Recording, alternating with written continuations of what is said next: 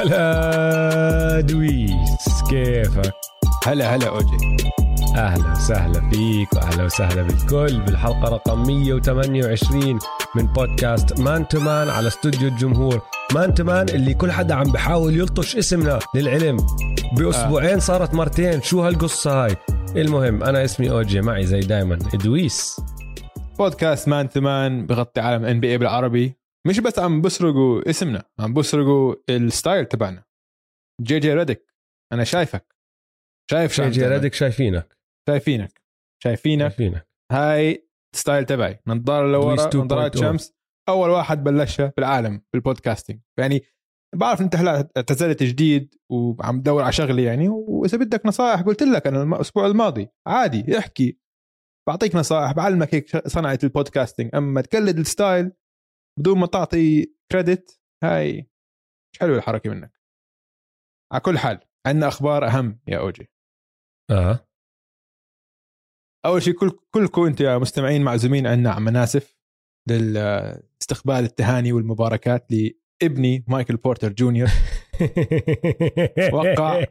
وقع عقد maximum maximum عقد. maximum عقد يعني. بصراحة بصراحة مبروك دويس الله يبارك. أنا لما بعثوا لي الشباب على تويتر إنه دويس آه، هيك هيك هيك صار مع ابنه قلت أهم شيء ما ينساني بس أهم شيء. ما ينساني ولو يا اوجي مستحيل يعني 200 مليون بتغير ناس يا دويس لا مش بيناتنا 200 مليون بيناتنا okay، ولا. شيء الحمد لله ولا. والله آه. انك صديق صدوق حبيبي آه، مايكل بورتر جونيور مم. خمس سنين rookie scale max extension يعني وقع عقده بأقصى آه، آه، مبلغ ممكن الواحد آه، يوقع مع فريقه. في شغلة بس لازم نوضحها. الصفقة بتسوى والعقد الجديد بسوى 172 مليون مش م. 207 بس في شغلة إذا إذا إذا مايكل بورتر جونيور طلع من أفضل 15 لاعب يعني طلع بال all NBA first second أو third team الموسم الجاي. بشمط ل 207 فصار عنده حافز إنه يدمر الدنيا الموسم الجاي. يعني لازم بصراحة بمعنى آخر يرفع مستواه من آه، رقم 50 على قائمة أفضل 50 لاعب داخل بالواسطة ل آه، رقم 15 أو أعلى اللي هو بوصل مستوى كل حدا راح يدق فينا على إنه حطيناه 15 أو أعلى. فأنا شايفها صعبة شوي بس يعني إذا حدا بيقدر يعملها هو ابنك يا زلمة هو ابنك. السؤال لك. نصب عليهم ولا انتصب عليه؟ أكيد هذا deal ممتاز. عقد ممتاز. إحنا فخورين جدا مبسوطين. بس شوف أنا عارف ليش أنت حسيت السخرية بصوتك. okay؟ أنتوا قاعدين تخوتوا علي. من أول يوم قبل سنتين ونص بلشت أحكي عن مايكل بورتر جونيور. قبل ثلاث سنين. صح؟ سنتين ونص؟ ليه صرنا نحن؟ نسيت. سنتين أول ما. بلشنا البودكاست. داخل على المو... داخلين على الموسم الثالث. آه إمتى أول مرة حكيت على مايكل بورتر جونيور؟ يمكن قبل سنتين ونص. ولهلا. آه. حابب تخوت علي. كثير ناس اضطريت أسحب دعوتهم للمناسف على على التويتر وهيك عشان قالوا إنه ابنك نصاب وأنتم نصبتوا على الناجتس وضحكتوا عليهم وكذا وكذا. حتى واحد قال إنتوا سحرتوا الناجتس قلت له طب ها هي سحرت المنسف عشان أنت ما يطلع لك. تفضل.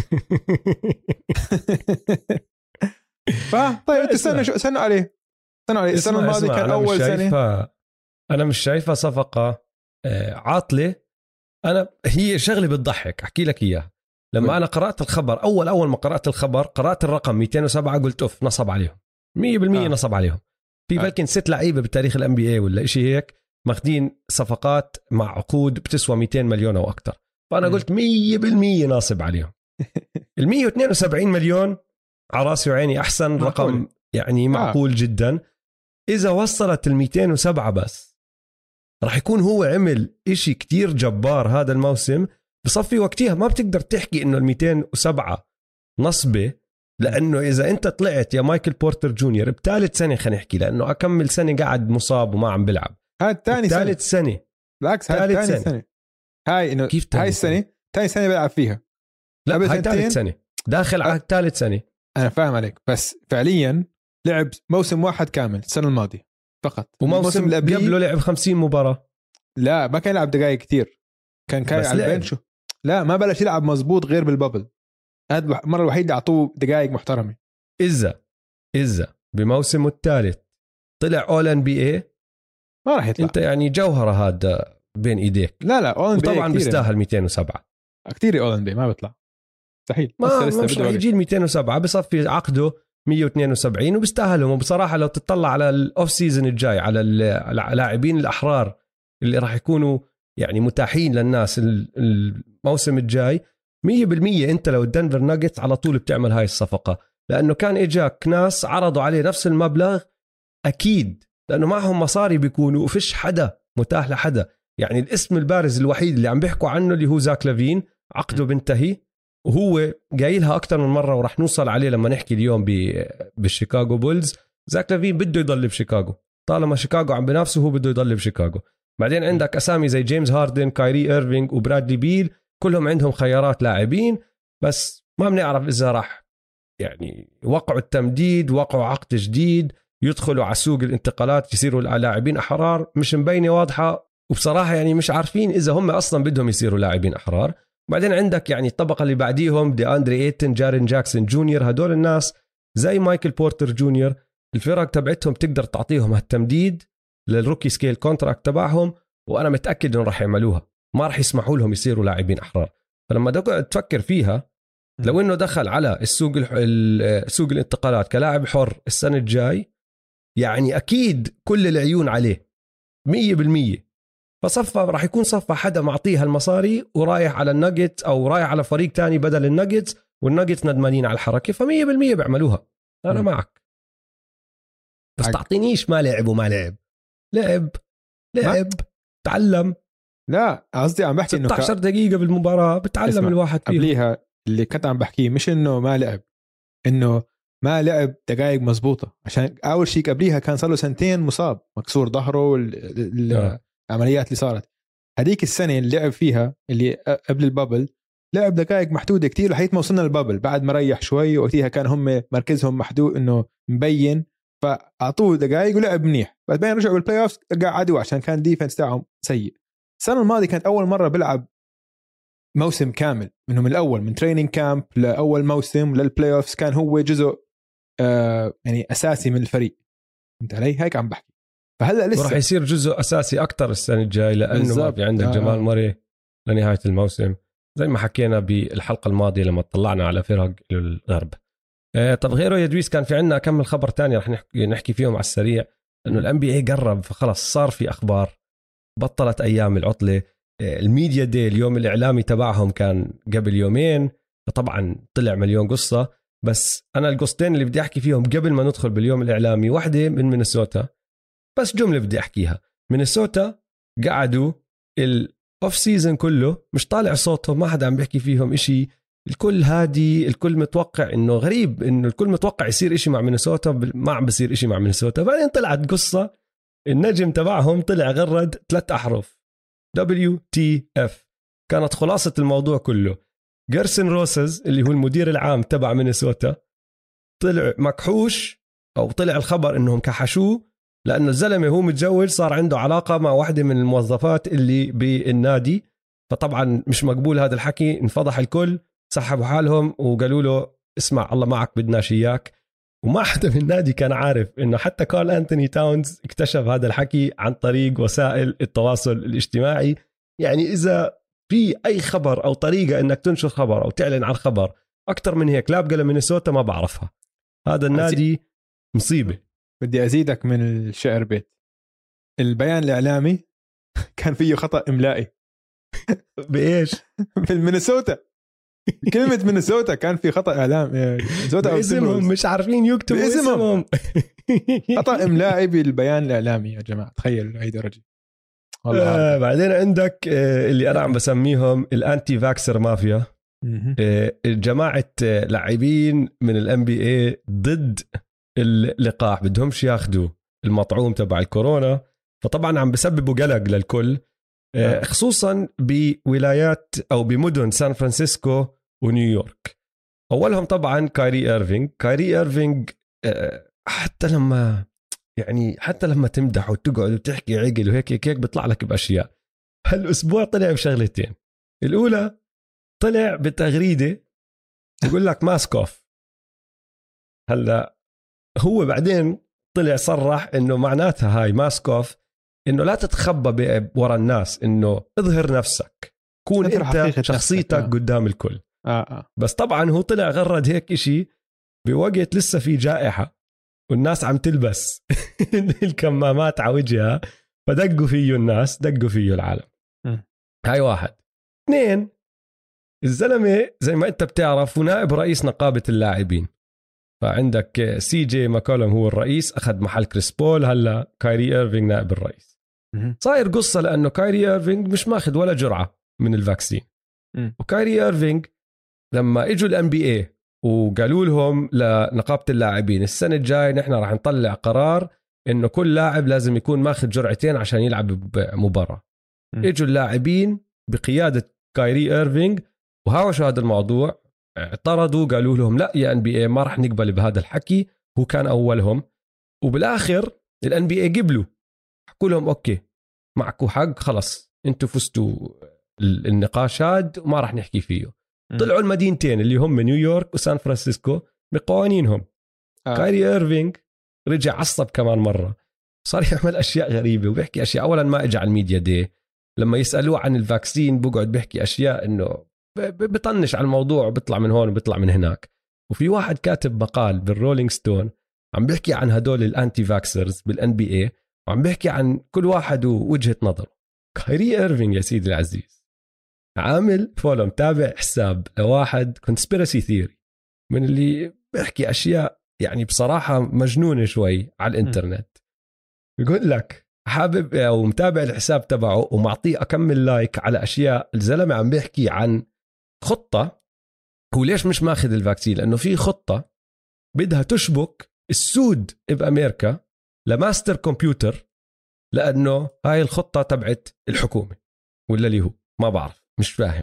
كايري ايرفينج عاجب هذا عاجبه هذا الموضوع وخاشش فيه ومش قابل يحكي لحدا عن ارائه وعم بيعمل ضجة وعم بيلحقوه لاعبين تانيين. جوناثان آيزاك مش عم باخذ ال vaccine وبدوش ياخذ ال vaccine.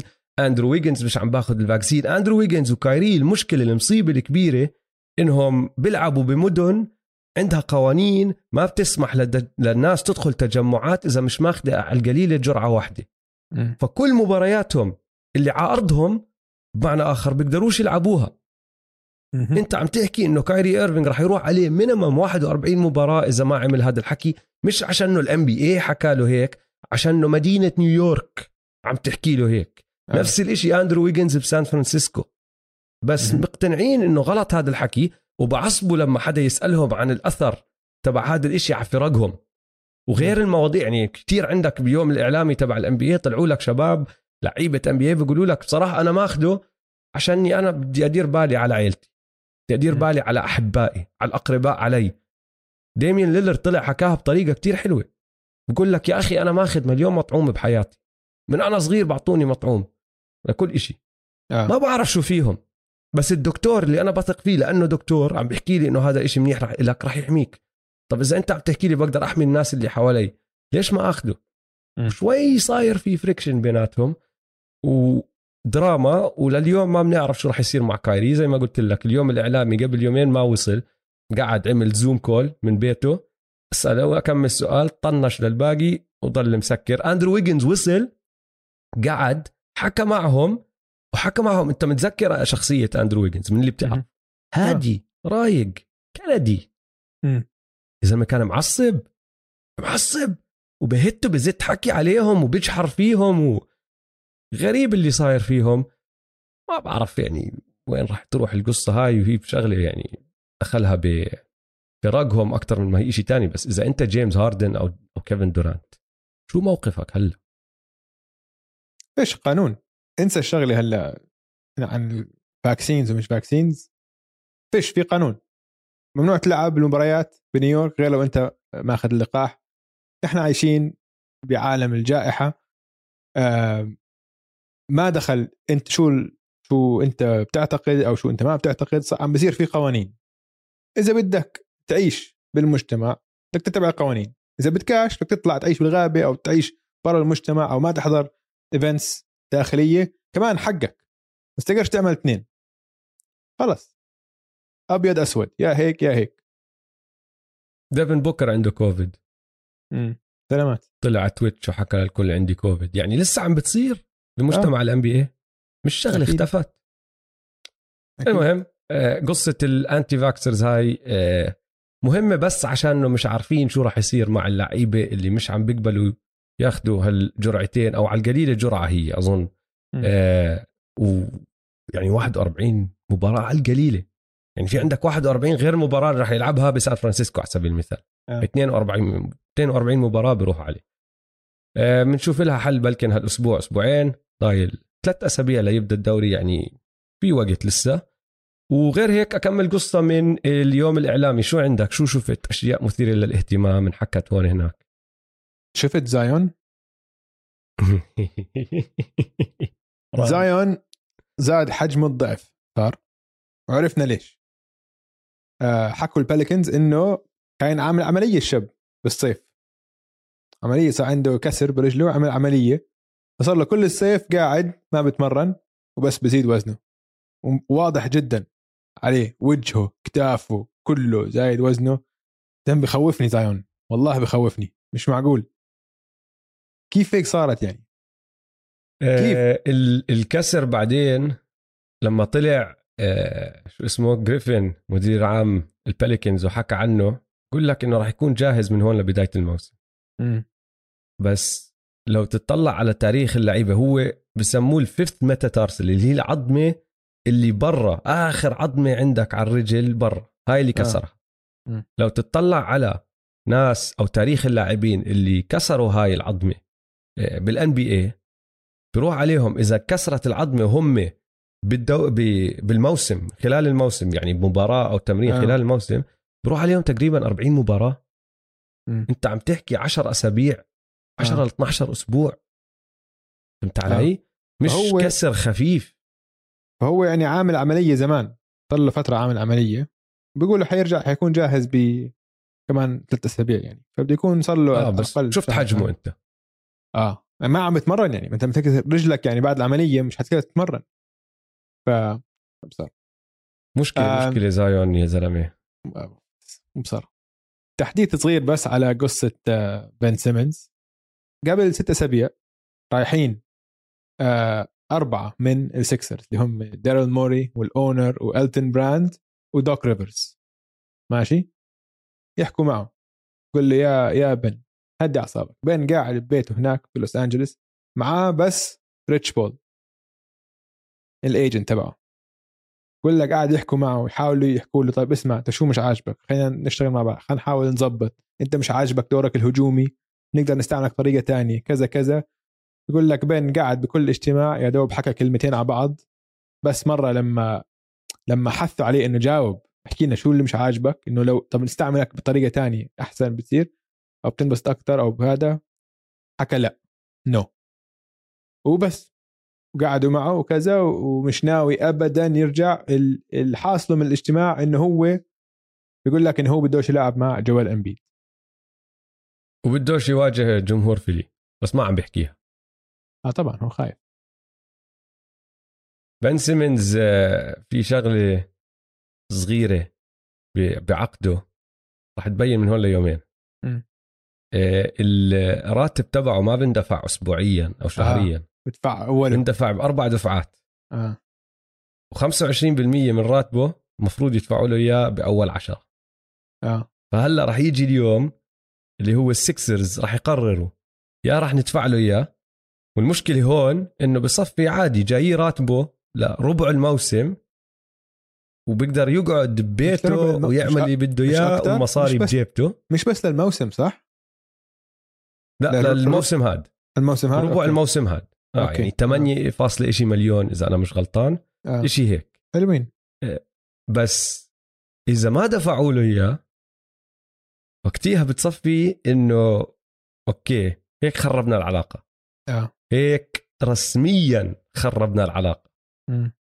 وعم لا. نعاقبك لأنك مش مداوم. فمن هون لأكمن يوم راح يصير في حركات مع بن سيمونز. آه، أنا عندي خبر لكل حدا بشجع دالاس. مش. مطمئن من مرة. يا ساتر أنا حكيها أكثر من مرة يا دويس. جيسون كيد كمدرب بلخبط سماواتي. ما آه. بفهم له كثير مش معروف. مش معروف جيسون كيد. طلع طلع وصرح كم شغله بالميديا دي تبع دالاس. كثير منهم بضحكوا أول إشي حكى عن لوكا بيكاسو. حلوة. جميلة. لوكا بيكاسو. فنان. أنا معك. حلو. يعني قاعد يتساءل إذا بيكاسو عمره انعطى كل الألوان. طلع عليه قالوا له شو يعني؟ قال لهم يعني بدي بيكاسو يلعب بكل الألوان. اكتشفوا حلو. إنه هو قصده إنه الألوان هم فريقه. آه. إنه بيكاسو لوكا بده يلعب مع كل الألوان آه، مستعمل metaphor. كل الألوان اللي عنده. metaphor تشبيه. حلو okay. تمام. بداية قوية بداية بداية موفقة. بعدين شمط بحيط. أيوه. بقول لهم الشيء الثاني راح أسويه؟ راح أشغل آه، كريستابس بورزينجس راح ألعب كريستابس بورزينجس ك power forward بزبطش معه يلعب center بدي أرجع أعيد لك. كريستابس بورزينجس طوله 7 3 حلو. حلو. بأي عالم غير عالم بوبان تقدر تلعب كريستابس power forward حتى لو كان هو باور فورورد في واحد تاني center مهم. بس مين ال center راح يكون إذا هو على الملعب؟ أها. جيسون كيد آه، بداياته. موفقه آه. آه. طيب اسمع خلص احلق احلق. خلينا نخش على فرق ال East. على سيرة الحلاقة يا دويس. عنا عنا آه راعي. صحيح. عنا. راعي حلوة منك. أها. عنا راعي جديد للبرنامج. اختصاصهم الحلاقة اللي هم Manscaped dot com Manscaped dot com الجماعة اجونا قالوا لنا يا إخوان نحن بنحب شغلكم وبدنا إياكم تشوفوا شغلنا. وإذا حبيتوه احكوا عنه. قلنا لهم okay شو شغلكم؟ شو عملوا؟ بعثوا لنا package package طويل وعريض ومرتب كتير. شو فيه يا دويس؟ هلا Manscaped بيعملوا ماكينات حلاقة للرجال زي ما أنتم شايفين هاي. هي ماكينات حلاقة للرجال. أها. بس مش لشعراتك ولا لشنبك. يعني وين ما بدك. تاني. لوين ما بدك. لكل شيء تاني. آه لوين ما بدك. رجل. عندك مثلا كثير شباب هلأ بيحبوا يحلقوا شعر صدرهم مثلا زي محمد صلاح شفت كيف بيشلح التيشيرت وهيك. قبل كم من سنة كان عنده شعر على على صدره هلأ هسه بستعمل مانسكيب آه ببين عضلاته أكثر. فأنت إذا بتحب هيك تطلع شغل برك وهيك وبدك تبين عضلاتك أكثر تحلقها بتستعمل هاي. واسمع أنت. بتحلق شعرات صدرك؟ لا ما عنديش كثير الحمد لله. ولا أنا بصراحة. آه. بس يعني مفكر الصراحة. إذا ببين إذا ببين عضلاتي أكثر بفكر الموضوع. وبعثوا لي الشباب. ولازم تروح الجيم أول عشان يبينوا عضلاتك أول. آه، بالضبط. هذا أول شيء هاي هاي قبل. هاي هاي الخطوة الأولى. آه، طيب حلو. بروح على الجيم أنا مرات بروح. بس هاي ممكن نستعملها عشان يبين لسه أكثر العضلات. فهمت علي؟ بعدين مش بس هيك. أحلى شيء الموضوع إنه بتقدر تستعملها في الحمام. عشان هاي عندك شفرات سيراميك. تقدر تحط تستعملها وأنت بال shower. waterproof أمور طيبة. صراحة مرتبة. وعليهم وعليها كمان flashlight آه، ضوء. آه هي لاحظت شايف. الضوء ولا ما لاحظت الضوء؟ لاحظت الضوء هي هذا هذا عشان إذا أنت الحمام تبعك ما فيه ضوء كتير ما تغلط. تكون عم تحلق إشي حساس شوي وتغلط. آه تروح يعني. تشطب حالك بالغلط. صحيح. يعني هم عم يفكروا بسلامتك كثير أهم شيء سلامة 100% سلامة بضاعتك. أنا بصراحة جربتهم وحبيت الشغل تبعهم كتير. آه والله؟ حبيت كمان ال packaging بعثوا لي هيك شنطة صغيرة. أورجيها هون طلعوا آه. اجى كل إشي هيك بتقدر تحط كل إشي فيها مرتب كتير. حبيت حبيت الشغل. لا لا الشباب شغلهم فيه أكثر من إشي كمان. فيهم فيه ب... فيه بوكسر كمان. فيه بوكسر. فيه فيه boxer. T-shirt. فيه تيشيرت. فاسمعوا هاي جد فكرة حلوة. ال... ال product ممتاز. عجبنا كتير. تروحوا على manscape.com تحطوا ال promotion code M2M M بعدين الرقم 2 بعدين M بيطلع لكم خصم 20% آم، ممتاز. أظن كل رجل بيحتاج يكون عنده شفرة حلاقة بالبيت. وإذا أنتم من النسوان بدكم تشتروا هدية لحدا كمان لابوك لاخوك لصاحبك Manscaped يطلع لكم خصم. promo code M2M manscape.com طيب, طيب. يلا time out يا دويس. وبنرجع بنخش ب التوقعات والتطلعات والتحضيرات للقسم الشرقي اليوم للموسم الجاي.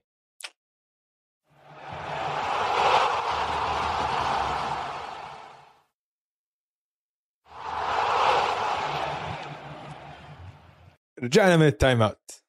اليوم حندخل بفرق الشرق. كالعادة عندنا أربع فئات ابتداء من أسوأ فرق حطهم بفئة اللي ما في chance. بعدين اللي أحسن شوي بفئة شكرا للمشاركه واللي أحسن شوي حضور المشرف. بحضور المشرف. وطبعا أعلى طبقة طبقة المنافسين. فحنبلش من تحت. و... دويس آه. أنا راح أسألك قبل. قول لي. استصعبت الشرق ولا الغرب أكثر الغرب. استصعبت الغرب أكثر آه. الشرق عندي كتير واضح. أنا استصعبت الشرق أكثر والله تعرف ليش؟ ال- اللي فوق فوق واضحين واللي تحت تحت عندي واضحين بس التكتل اللي بالنص أفرق بين الحضور المشرف والجماعة المشاركة. شكرا للمشاركة. خصوصا بعد أول فريق أول فريقين بالحضور المشرف هون قلبت عجقة عندي. عجقة لأنه بالنسبة لإلي كلهم عم بتنافسوا لهالاكمل مركز فهمت علي بالنص يعني أنا حاسس حاسس ال- الترتيب بالشرق هاي السنة بعد أول أكمل فريق راح يكون ملحمة ملحمة ملحمة آه. ملحمة لا شوف أنا عشان ما عملت اللي أنت عملته ما حطيت مراكز أنا بس أنا ما جمعتهم. حطيت مراكز آه ولا أنا بس إنه أنا بس بس إنه جمعتهم. جمعتهم آه فبس آه. آه هلأ أنا عارف إنه نحن بحلقة السبت بحلقة extra time حنعمل حنعمل لهم تصنيف كامل مراكز. من 1 ل 30 مراكز وقتها حتكون صعبه كتير متأكد أنا. بس حاليا أحطهم بهدول الفئات ما استصعبت.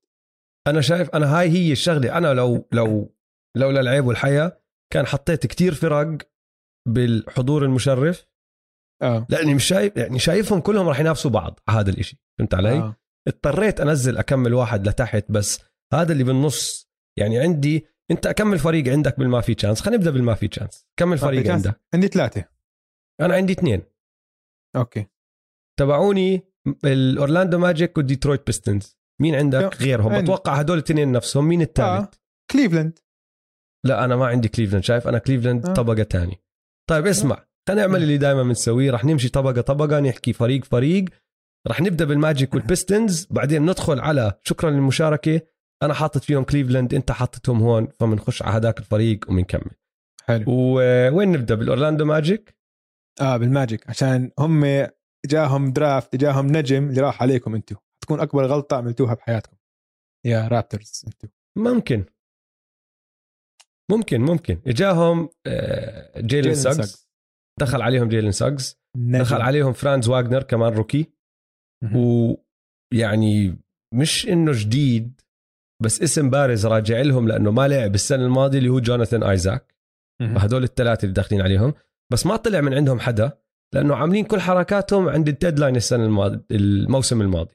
يعني الفريق برجع بعيد لك الاسمين اللي اللي دخلوا عليهم جداد جيلن ساجز وفرانز واغنر اثنين rookies. هذا الحكي بيوحي لك بورجيك بالضبط هم وين.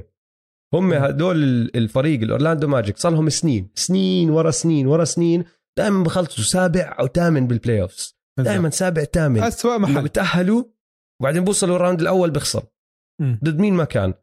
فالسنه الماضية وأخيرا وأخيرا قرروا لا ما بزبط هذا الحكي. عملوا كل ال trades تبعونهم. كحشوا فورنييه كحشوا جوردن كحشوا مين ما فوتشيفيتش مين ما كان.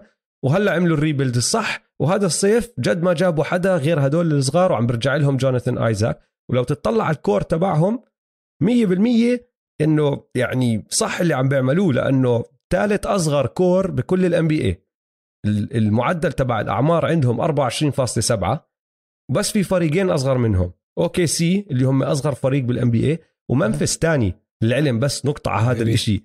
ممفيس. تاني أصغر فريق وعم بيعملوا كل إشي عملوه هاي بترجع كمان مرة بتشمطك قديش صح اللي عم بيعملوه وقديش لعيبة بالنسبة للي مفروض يكونوا هم فيه. بس بعدين طلع ال core تبع الأورلاندو. جيلين ساجز وآر جي هامبتون وفرانز واغنر كلهم عمرهم 20 سنة. كول أنتوني 21 سنة ويندل كارتر جونيور 22 ثاني- آه، سنة مو بامبا ماركل فولتس وجوناثان آيزاك كلهم 23 سنة. وحتى الكبار اللي عندهم يعني عندهم روبن لوبيز وإيتوان مور تيرنس روس لا هم نجوم من الطراز العالي هم role players ومن ال role players اللي أصلا أنا أتوقع ممكن باي يوم بهالموسم هاد يعملوا لهم تريد صغير هون هناك يبعتوهم على فرق عم بتنافس لأنهم بيقدروا يساعدوا هدول الفرق. فالفريق هذا ما راح يكون فريق منيح راح يكون فريق عاطل جدا بس عادي عادي. آه العبوا اغلطوا اتعلموا راح يجيهم درافت بيك السنة الجاي كمان عالي. وبصراحة يعني ما بدهم أكثر من هيك هم, هم هذا الصح لإلهم. شوف هم ال- الفريق مش هدفه الفوز هاي السنة. هدفه إنه يلعب الصغار ويطور مهارات الصغار وعندهم لعيب صغار كتير مثيرين للاهتمام. أولهم حكينا عن جيلن ساجز هذا بعتقد حيكون نجم. كان نجم بكونزاجا كول أنتوني كمان لاعب ممتاز جدا. بس في واحد أنا بدي أعمل prediction هنا. خلي عينك على آر جي هامبتون. آر جي هامبتون اجى السنة الماضية على الماجيك من صفقة ارين جوردن هو كان مع الناجتس. آه كان مع الناجتس وراح على راح على ماجيك. بلش يظهر مستوى كتير منيح بآخر الموسم بس ما كان حدا متبع على الماجيك يعني. كان طالعين برا ال playoffs وكذا. بس هذا man لاعب مميز كتير وتذكروني لما يصير يظهر على الشاشة ويصير يجيب أرقام منيحة أنا بعتقد هذا ممكن يصير واحد من أحسن لعيبة ال NBA لهالدرجة يعني. لسه عمره 20 سنة فقط. آر جي هامبتون combo guard ممتاز حجم بدافع منيح بيسجل منيح بيقدر يصنع لعب. فأنا بقول هذا ممكن يعمل لهم الفرق كبير.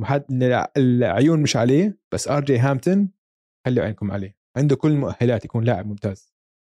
الشغلة تبعت آر جي هامبتون كمان السبب اللي اسمه مش بارز كتير لأنه كان من أول اللعيبة اللي بعد ما طلعوا من ال high school مع إنه كان الكل بده إياه هو طالع من ال high school قال لك بديش أروح على الجامعة وراح لعب بنيوزيلند بال NBL اللي هو الدوري نفسه اللي اجى منه لميلو بس طبعا لميلو عنده أبوه.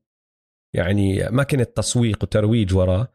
ارجي ما كان عنده هذا الحكي ففكع راح على آخر الدنيا يلا لعب هناك مع الزلام الكبار وبعدين رجع دخل على ال NBA draft السنة اللي بعدها. فما بنحكى عنه كتير لأنه لسه ما شفناه. بس أنا بتفق معه عنده معك عنده potential كتير كتير عالي. اسمع وقضى كل الصيف عم بتدرب مع بني هاردوي 1 on 1 بني هاردوي مستلمه وبني هاردوي واحد من المدربين ممتازين ممتازين بمنفس وبيدرس آه، أو مدرب جامعة University of Memphis وكل الصيف قاعد عنده آر جي هامبتون يتدرب على مهارات وكذا. ف كمان طبعا في ال connection بني هاردوي كان بأورلاندو وهيك فانا بتوقع موسم ممتاز لار جي هامبتون. أنا اللي اللي حاط عيني عليه اللي شوي حزنان عليه بس أظن ممكن تفيده شغلة جيلن ساكس إنه دخل عليهم جيلن ساكس اللي هو ماركل فولتس لأنه هذا الإنسان المسكين بعد كل إشي صار معه بفيلادلفيا. السنة الماضية بدأ يطلع مستواه شوي شوي. ما عم بيطلع بمستوى نجم مفروض يكون آه، اللي هو مفروض يكون طلع زيه لأنه كان الاختيار الأول وهيك. بس كان عم بيلعب بطريقة كتير حلوة مع الماجيك على السكيت. على السكيت. وهلا راح يصفي احتياطي ولا ساجز. ساجز راح ياخذ ويلعب أغلب الدقائق كال starting point guard وهو راح يكون الاحتياطي تبعه. ممكن تفيده هاي الشغلة. ممكن تكون منيحة لإله بس بتحزن شوي.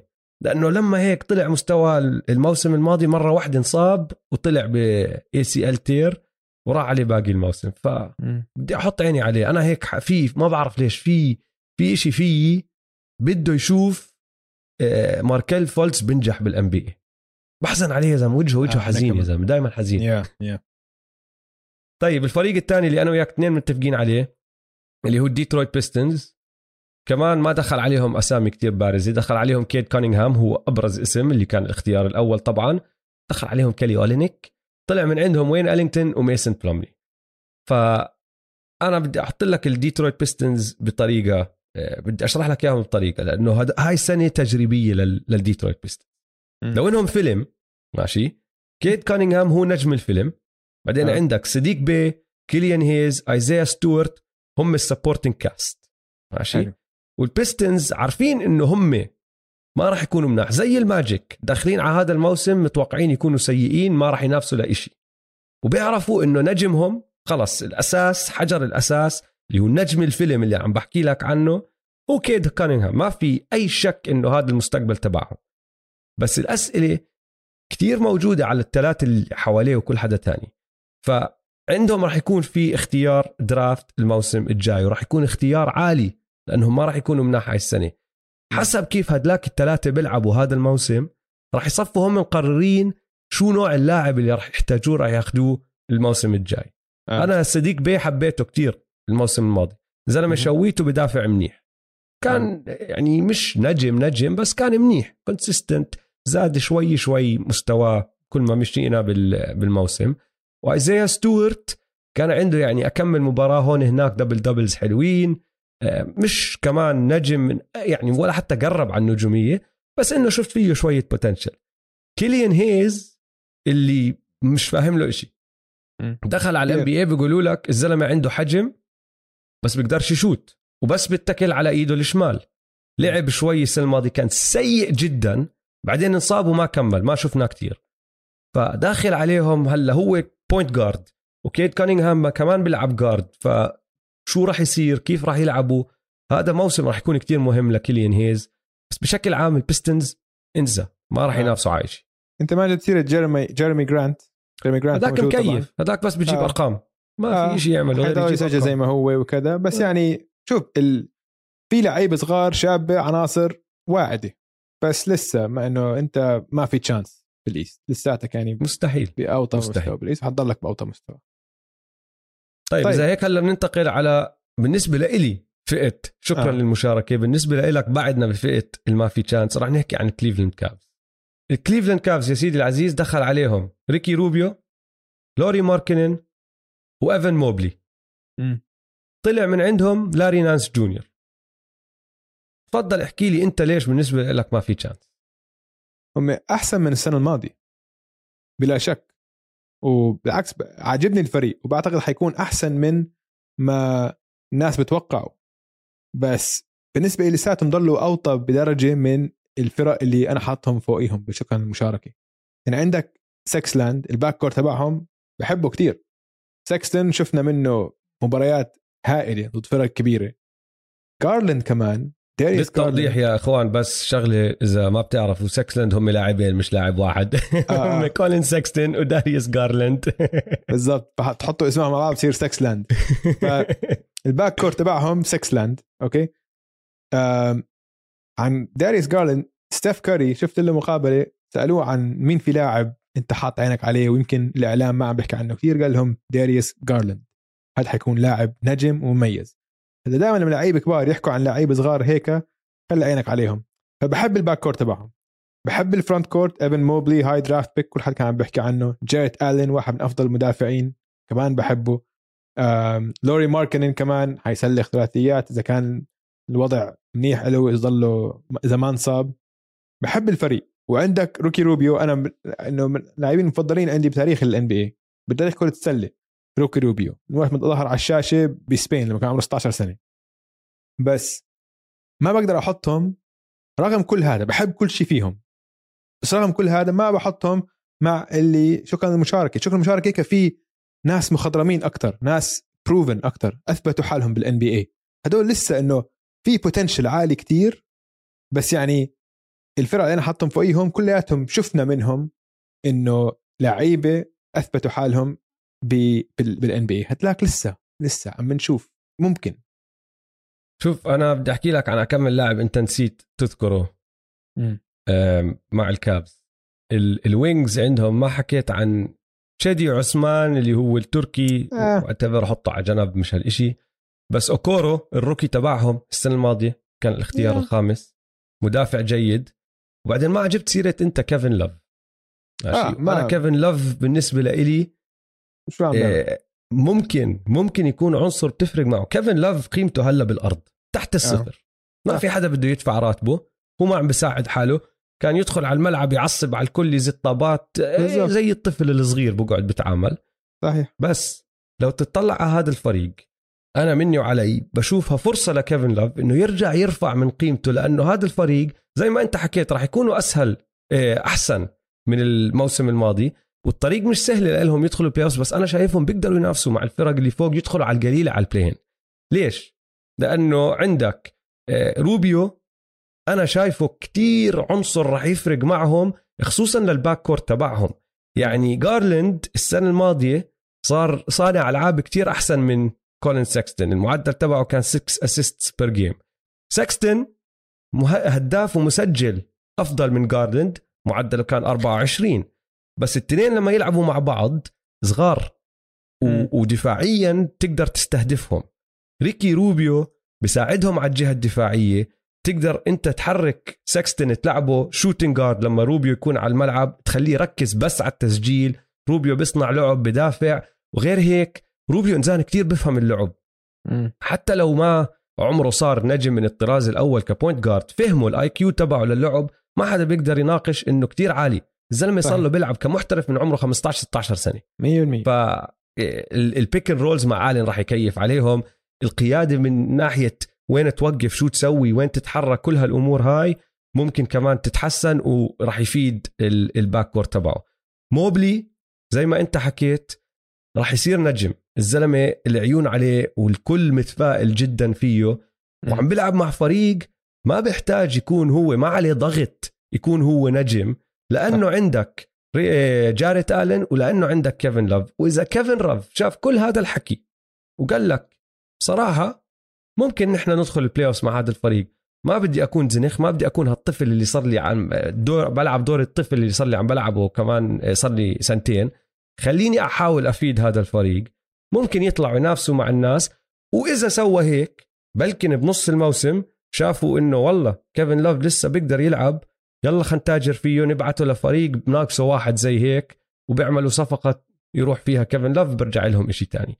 فأنا معك بكل إشي بس متفائل شوي أكتر منك من ناحية إيش بيقدروا يعملوا آه، بال بال بالشرق أو من ناحية الفرق اللي بيقدروا ينافسوا فيها. فما عم بحكي لك راح يدخلوا ال playoff آه. بس أكيد أكيد أكيد أنا شايفهم عم بينافسوا على القليلة لل play-in وإذا دخلوا ال play-in ما بتعرف مباراة هون هناك تطور ما كنت متوقعه. أنت من داريوس جارلاند أو كولين سكستن قفزة من أوكورو من آيزاك أوكورو ممكن يصفوا قاعدين عم بيلعبوا play-in ضد المركز السابع يفوزوا لهم مباراه عشان هيك حطيتهم بطبقه اللي هي شكرا للمشاركة.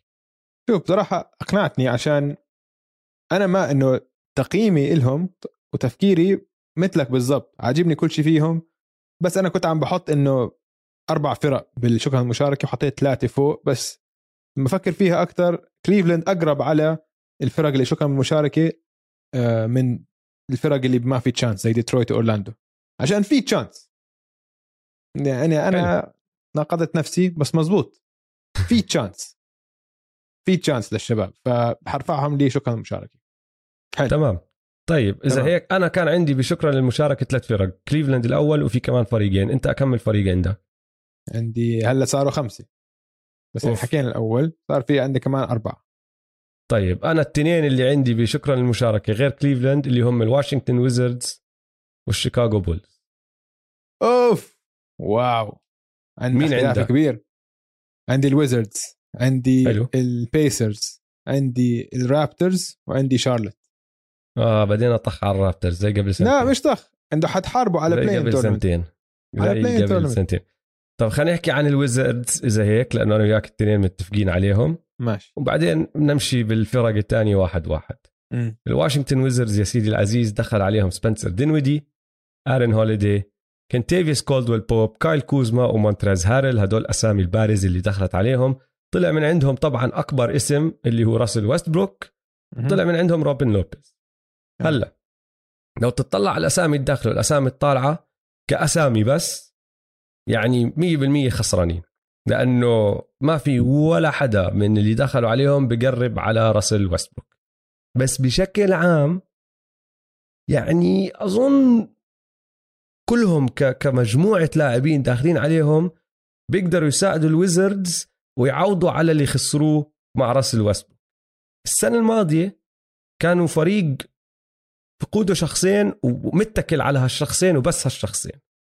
لما كانوا مصابين أول الموسم ما عم بيلعبوا صح. أول 49 مباراة الويزردز فازوا 17 وخسروا 32 بعدين لما خلص تعافوا التنين راس وبرادلي بيل وشبكوا صح. خلصوا الموسم بسجل 17 انتصار وست خسارات. بخمسة أربعة السنة الماضية كانوا رقم 14 في الشرق. يعني قبل الأخير. خلصوا ثامن وتأهلوا على ال playoff طبعا بال playoff خسروا على طول من فيلي لأنه فريق بيتكل على شخصين بس ما في حدا تاني. ف كتير كتير صعب أنت تتنافس وتدخل وتربح ضد فريق زي فيلي حتى مع بعد اللي شفناه مع فيلي بس. يعني لسه في فرق مستويات. اذا انصاب حدا من هدول الاثنين راحت فرصهم وبال playoffs بيل ما كان 100% هذا اللي صار. هلأ صار في شوية توازن أكثر دينويدي يعني لو تطلع مش الموسم الماضي لأنه ما لعب الموسم الماضي بس لعب ثلاث مباريات بس لو تطلع الموسم اللي قبله كان معدله 20 نقطة 7 assist والزلمه يعني baller لعيب مع إنه غريب. سمعت قصة الرعاة تبعون واشنطن اللي صارت قبل أسبوع مع مع سبنسر دينويدي؟ لا.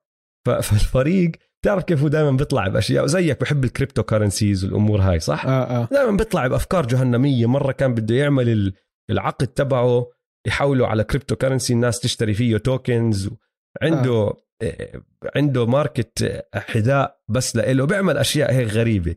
آه. ذاك اليوم قرأت عنه مقال بيقول لك الواشنطن ويزردز لليوم ما عندهم راعي رسمي للزي تبعهم. فبتعرف كيف بحطهم الدعاية هون على الصدر صح؟ ما عندهم واحد وعم ببيعوها هاي الشغلة ب 12 مليون. سبنسر دينويدي خش عليهم قال لهم اسمعوا أنا بدفع ال 12 مليون بدي أشتري آه ال ال ال اصير الراعي تبع هذا ل cryptocurrency هو قاعد بظبط فيها. فهمت علي؟ إنه هو بثق فيها. حلو. طبعا الان بي اي قالوا له ممنوع أنت كلاعب ما بيصير يكون عندك الراعي تبع فريقك هاي ما بتزبط. وقال لهم ليش لا؟ بس بشكل عام ذكي الزلمة لأنه طلع شوية أو خلق شوية ضجة عن ال cryptocurrency تبعته هاي وطلعوا الأسهم فيها. الزلمه فهماني بهاي الأشياء. بس انسى خلينا نرجع للملعب. الزلمة إذا لسه بيعرف يلعب ومفروض يعني هاي كلها السنة اللي راحت عليه وبعده بعز شبابه آه راح يساعدهم 100% وبيلبق شوي أكثر مع برادلي بيل من راس راس بيحتاج الطابة وبرادلي بيل بيحتاج الطابة كانوا ياخذوا دور دور. دينويدي؟ لا أنا راح ألعب اصنع لعب وأتحكم بالطابة أكثر لما أنت ما تكون على الملعب. بعدين راجع لهم توماس براينت. آه. الموسم الماضي انصاب بعد عشر مباريات كان كمان عم بورجيك شوية potential حلو. روي هاشيمورا ورجاك شوية potential بأكمل واحدة من المباريات خصوصا بنهايه الموسم. كل هالأمور هاي. آه كايل كوزما وكي سي بي عندهم خبرة الليكرز والبطوله وكي سي بي بالخصوص بيلعب defense كتير أحسن من أي حدا على ال perimeter عندهم إياه. كوزما مدافع مش عاطل كان مع الليكرز آخرها. وصحبة كتير مع برادلي بيل. ويعني آه، مونتريز بيقدر يعطيك على الهجوم كتير أكتر من روبن بس طبعا دفاعيا أسوأ. فعندهم أكمل قطعة هون هناك بس كمان غيروا ال coach جاهم coach جديد جديد. منيحة هاي الشغلة بس. coach هم كان سيء. بس كمان يعني اللي عم بحاول أحكيه إنه مع coach جديد ما بتقدر ترفع توقعاتك كتير لفوق آه. كل هالتغييرات و coach جديد من أول سنة. فشوف أظني هم زي ما حكيت بشكل عام ما تحسنوا كتير بس كمان ما تدهوروا. ضلهم تقريبا بنفس المستوى بس باقي ال East تحسن. فأصعب عليهم أنا شايفها إنه هم يدخلوا ال play زي ما دخلوا الموسم الماضي. آه لا ما حي ما ما راح يقلبوا عشان مع إنه صار فريق متوازن أكثر وهيك بس لسه مان أنت مش كفاية مش كفاية توصل البلاي اوفز يعني يمكن راح تحارب يعني راح تحارب لبلاي ان تورنمنت راح تحارب بلاي ان تورنمنت بس يعني فريق ضعيف مان برادلي بيل كمان مرة راح يروح عليه البلاي اوفز ف يعني اسمع هذا اللي دفعوه له 80 مليون الهامل بيرتنز دافيس؟ يعني دافيس بيرتنز ممكن ليزر؟ ممكن يلعب أسوأ. لا. ممكن يلعب أسوأ من هيك يعني عشان كثير كان سيء السنة الماضية. مش معقول بس يعني سيء. هاي بتقدر تطلع عليها كشغلة تتفائل فيها. إنه مستحيل يلعب أسوأ من اللي لعبه الموسم ما هي بس أشوف صراحة في كتير unknowns مع هذا الفريق في كتير أشياء مش معروف خيرها من شرها. دينويدي مش عارف إيش آه، مستواه. كوزما متذكر لما يروح لبران على على الليكرز.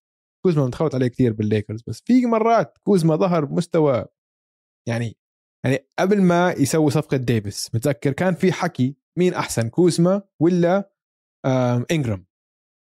كان على نفس الفريق مع بعض.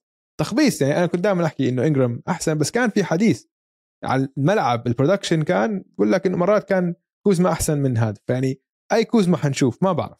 أنت بتلعب هدول ال baby ليكرز صح؟ دويس أيوه ال baby ليكرز.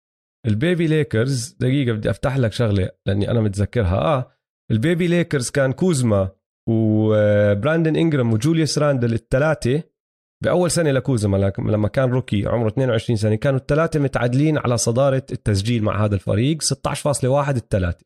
آه. فمش طبعا معروف كان فريق. كتير سيء. طبعا. مونتريز هاريل بال... سيء. مونتريز هاريل بالموسم ممتاز. إذا بيرجعوا يستخدموه زي ما كانوا الليكر آه، الكليبرز يستخدموه هيك رجل كان متحمس على اللعب. ف مع كل هاد ما أظن حيوصل ال playoffs بلاي ان تورنمنت ماكس ماكس وحتى لو وصل play-in tournament ممكن يخسر. لا آه لا بخسر أكيد بخسر طيب آه، هلا بمين بدك تخش؟ لأنه هون خلص صار في اختلاف تام. غريب أنا عندي أنت- البولز. البولز حطهم هون؟ أنا حاط البولز هون. ول. كيف أنا مش مقتنع؟ بالبولز. كيف حطهم اسمع. فوق؟ حطهم فوق إنديانا؟ آه. كيف؟ خلينا نحكي بالبولز خلينا نحكي بالبولز. بس دخل البولز عليهم ديمار دي روزن دخل عليهم لونزو بول دخل عليهم ال GOAT أليكس كاروسو دخل عليهم ديريك جونز جونيور. طلع طيب. من عندهم لوري ماركنن ثاد يونغ ودانيال تايس. ماشي؟ آه. أنا بالنسبة لي هذا أكثر فريق عمل ضجة هذا الصيف بس على الفاضي على الفاضي. يعني نسبيا طبعا عم نحكي نحن لما تقارن مع كل الفرق الثانية لأنه خليني أوضح لك الشغله. البولز كأسامي داخلة طالعة عليهم أو داخلة مش طالعة كأسامي داخلة عليهم يعني عندهم اسمين كتير كبار الكل بيعرفهم اللي هم ديمار و- ولونزو بول. طيب ويعني الاسم الثالث اللي هو ال GOAT مفروض الكل يعرفه اللي هو أليكس كاروسو. آه. عملوا ضجة مع الأسامي اللي داخلة عليهم. وهالضجة اللي سووها بس مش شايفها لا عم بتقربهم على بطولة ولا عم بتساعدهم للمستقبل البعيد يعني سقفهم يدخلوا ال playoffs وبعدين يخسروا مم. هم عم بيعملوها كانوا عشان مقتنعين إنه إذا ما سووا إشي إذا ما خلقوا ضجة وعملوا حركات راح يتركهم السنة الجاي زاك لافين وبصراحة معهم حق لأنه زاك لافين إذا شاف إنه فيش أمل منهم راح. يترك بس زاك لافين صار له مليون سنة بيحكي إنه هو بده يضل بشيكاغو. طالما شيكاغو راح ينافسوا وأنا مش شايف إنه كل هالقطع اللي جايبينها راح تساعدهم كتير يقنعوه يضل. وحتى لو ضل طلع ال timelines تبعونهم. عندك ديمار دي روزن ونيكولا فوسيفيتش بعزهم. حتى ديمار بآخر عزه يعني راح يبدأ يطلع من عزه كمان سنتين إشي هيك. ماشي؟ لافين وكاروسو هلا راح يدخلوا العز تبعهم. بعدين عندك لونزو لسه أكم سنة ضايل له وبات ويليامز وكوبي وايت لسه آه ضايل لهم سنين أكثر من لونزو. فلما هدول الثلاثة اللي بالآخر يدخلوا العز تبعهم أول تنين اللي هم هلا الكبار راح يكونوا عم بيطلعوا من العز تبعهم وأنا مش مقتنع لليوم قد ما بحب زاك لافين وقد ما بحترم أخلاقيات العمل تبعته وقد ما نحن بنمدح فيه وبنحكي كيف بتحسن وبتطور وهيك أنا شخصيا مش مقتنع إنه بيقدر هو يكون حجر الأساس اللاعب اللي أنت عم تبني حواليه فريق بنافس. ف راح يكونوا فريق كويس بس مش ممتاز ولا عاطل لا راح يجيهم آه. picks جداد ولا راح يجيهم إشي. فإذا ما صارت تطورات كتير خرافية داخلية أو حركات تانية معلقين بهال limbo راح يصفوا زي الأورلاندو ماجيك اللي هلأ حكينا عنهم قبل شوي قعدوا سنين ينافسوا للمركز السابع والثامن يدخلوا ال playoffs وينكحشوا. ومش أكتر من هيك يعني. أنا يعني بختلف معك في وين ال potential تبعهم. هذا الموسم. ما عم بحكي عن المدى الطويل ما عم بحكي عن بعد خمس سنين. عم بحكي هلأ مزيج اللاعبين موجودين. عندك لعيبة بعزهم عندك لعيبة صاعدة وحتى لعيبه الصاعدة عم عم بيعطوا شيء للفريق. كوبي وايت عم بيعطي شيء للفريق. لما ينزل من ال bench مرات دخل 30 40 نقطة وكم مرة سواها. فيعني عم بيعطي شيء بيقدر يضيف للموسم هلأ. وغير عن هيك لو تعطي بس خطوة لورا. لما ترجع خطوة لورا عن البولز. البولز لسه قبل سنتين بس بطلوا نادي كارثي. وظبطوا المدرب تبعهم. شالوا شو اسمه ال coach تبعهم كان؟ بويلن؟ بويلن أو شيء هيك. شالوه. جاب جابوا بيلي دونيفن بيلي دونيفن كان لسه أول موسم له السنة الماضية. فهاي السنة الثانية له عم بيظبط الوضع أكثر عم بخلق هوية للفريق. الفريق عناصره عندك موهبة ممتازة. عندك موهبة من أحسن الفرق بكل ال East يعني من ناحية موهبة بحطهم أنا من اول من أحسن خمس فرق بال East كموهبة ما عم بحكي إنه مستواهم أول خمسة بال East بس أنا بقول حينافسوا لل playoffs ومراكز ال playoffs الأصلية مش بس ال play-in tournament يعني حلاقيهم بين السادس وبين السابع ثامن أنا بتوقع أشوفهم. عشان طلع هذا طلع هاي starting lineup لونزو بول point guard ممتاز. underrated قديش هو كويس. صار في كتير underrated لونزو بول عشان أخوه ظهر طلع أحسن منه. وبشكل عام تجربته مع الليكرز كانت سيئة ومع البليكانز كان النادي فوضى. النادي كان فوضى فصعب أي حدا يظهر بهاي المنظومة. هذه المنظومة هلأ صارت مرتبة. فعندك point guard ممتاز. عندك على ال wings زاك لافين واحد من أفضل المسجلين بال NBA هذا أهم شيء أهم سلعة بال NBA حاليا يكون عندك wing مثل زاك لافين ممكن يسجل لك 30 نقطة أي ليلة ويطلع راس مع أي نجم. عندك ديمار دي روزن اللي كمان العيون ما عم تركز عليه كثير عشان إنه كان بسان أنطونيو. كان عم بيلعب ممتاز وعم بتحسن. أي نعم عنده نقطة ضعف في 3 pointers بس ال mid-range تبعه خرافي. ال playmaking تبعه تحسن. عندك فوسيفتش كمان أخذ وقت ليتعود على البولز وما لحق يلعب كثير مع زاك لافين عشان زاك لافين انصاب طلع بكوفيد آخر أسبوعين. بات ويليامز rookie كتير واعد كمان عنده هذا. فهدول ال starting five لحالهم. لو ما بصير في إصابات أنا بقول هدول لحالهم حيخلوك in contention لتفوت ال playoff عشان عندك كل شيء بدك إياه وعلى الجهتين حيكونوا كويسين. فأنا حطهم ب بس بعدين طيب طيب خلينا نكمل على عندك ستارتنج فايف طيب عندك على البنش عندك كوبي وايت وكاروسو جاردز ممتاز. شو أكثر هي صرنا سبعة. انت اظن يعني شايف شايف انت شايف سقفهم أو سقف هاللعيبه آه. كثير اعلى من اللي أنا شايفه. آه بالضبط. هي هاي. هاي هي بالضبط. يعني أنا شايفهم كواحد واحد خصوصا أول أربعة. أنا بات ويليامز ما بدي أحكم عليه كثير لأنه شفت منه أشياء حلوة السنة الماضية وشفت منه أشياء كثير يعني في مباريات كان مباراة كاملة ما تحس إنه هو على الملعب بيكون لعب 34 دقيقة. أنت مش فاهم كيف. م. كيف؟ أنت شو سويت؟ في مباريات تانية كانت حلوة. بس بالآخر صفى حتى بات ويليامز ال rookie اللي مفروض عم بعطوه فرصة مش قادر يطلع ثاد يونغ من ال starting line فهمت علي؟ آه بعرف. ف آه ف فكوبي وايت نفس الإشي. مرات بتولع معه مرات لا. على الدفاع زباله صفر على الشمال. م. صغير طلع الهوش. بس حتى على الهجوم الشغلة اللي هو مفروض بيعملها صح اللي هي التهديف بيعملها منيح مرات ومرات لا. متذبذب. علي؟ كاروسو كاروسو أكثر واحد راح يفيدهم أنا أظن من ال bench تبعهم آه. لأنه كاروسو راح يدخل يغطي على three positions بيقدر يدافع وبيقدر يسدد ويعني مرات بيقدر يسدد. في مس... في مواسم المستوى النسب تبعته عالية وفي مواسم النسب تبعته واطيه بس سويتشبل بشد حاله ما بتعب كل هالأمور هاي. م. أنا شايف كل هذا الحكي. بس كمان مرة بنرجع من عيد الايست ملحمة. الايست ملحمة. مش كتير. وشايف إنه عمقهم أقل من فرق تانية. إذا جد صارت إصابة واحدة لزاك لافين أو إصابة إذا صارت إصابة لفوسيفيتش مين عندهم سنتر؟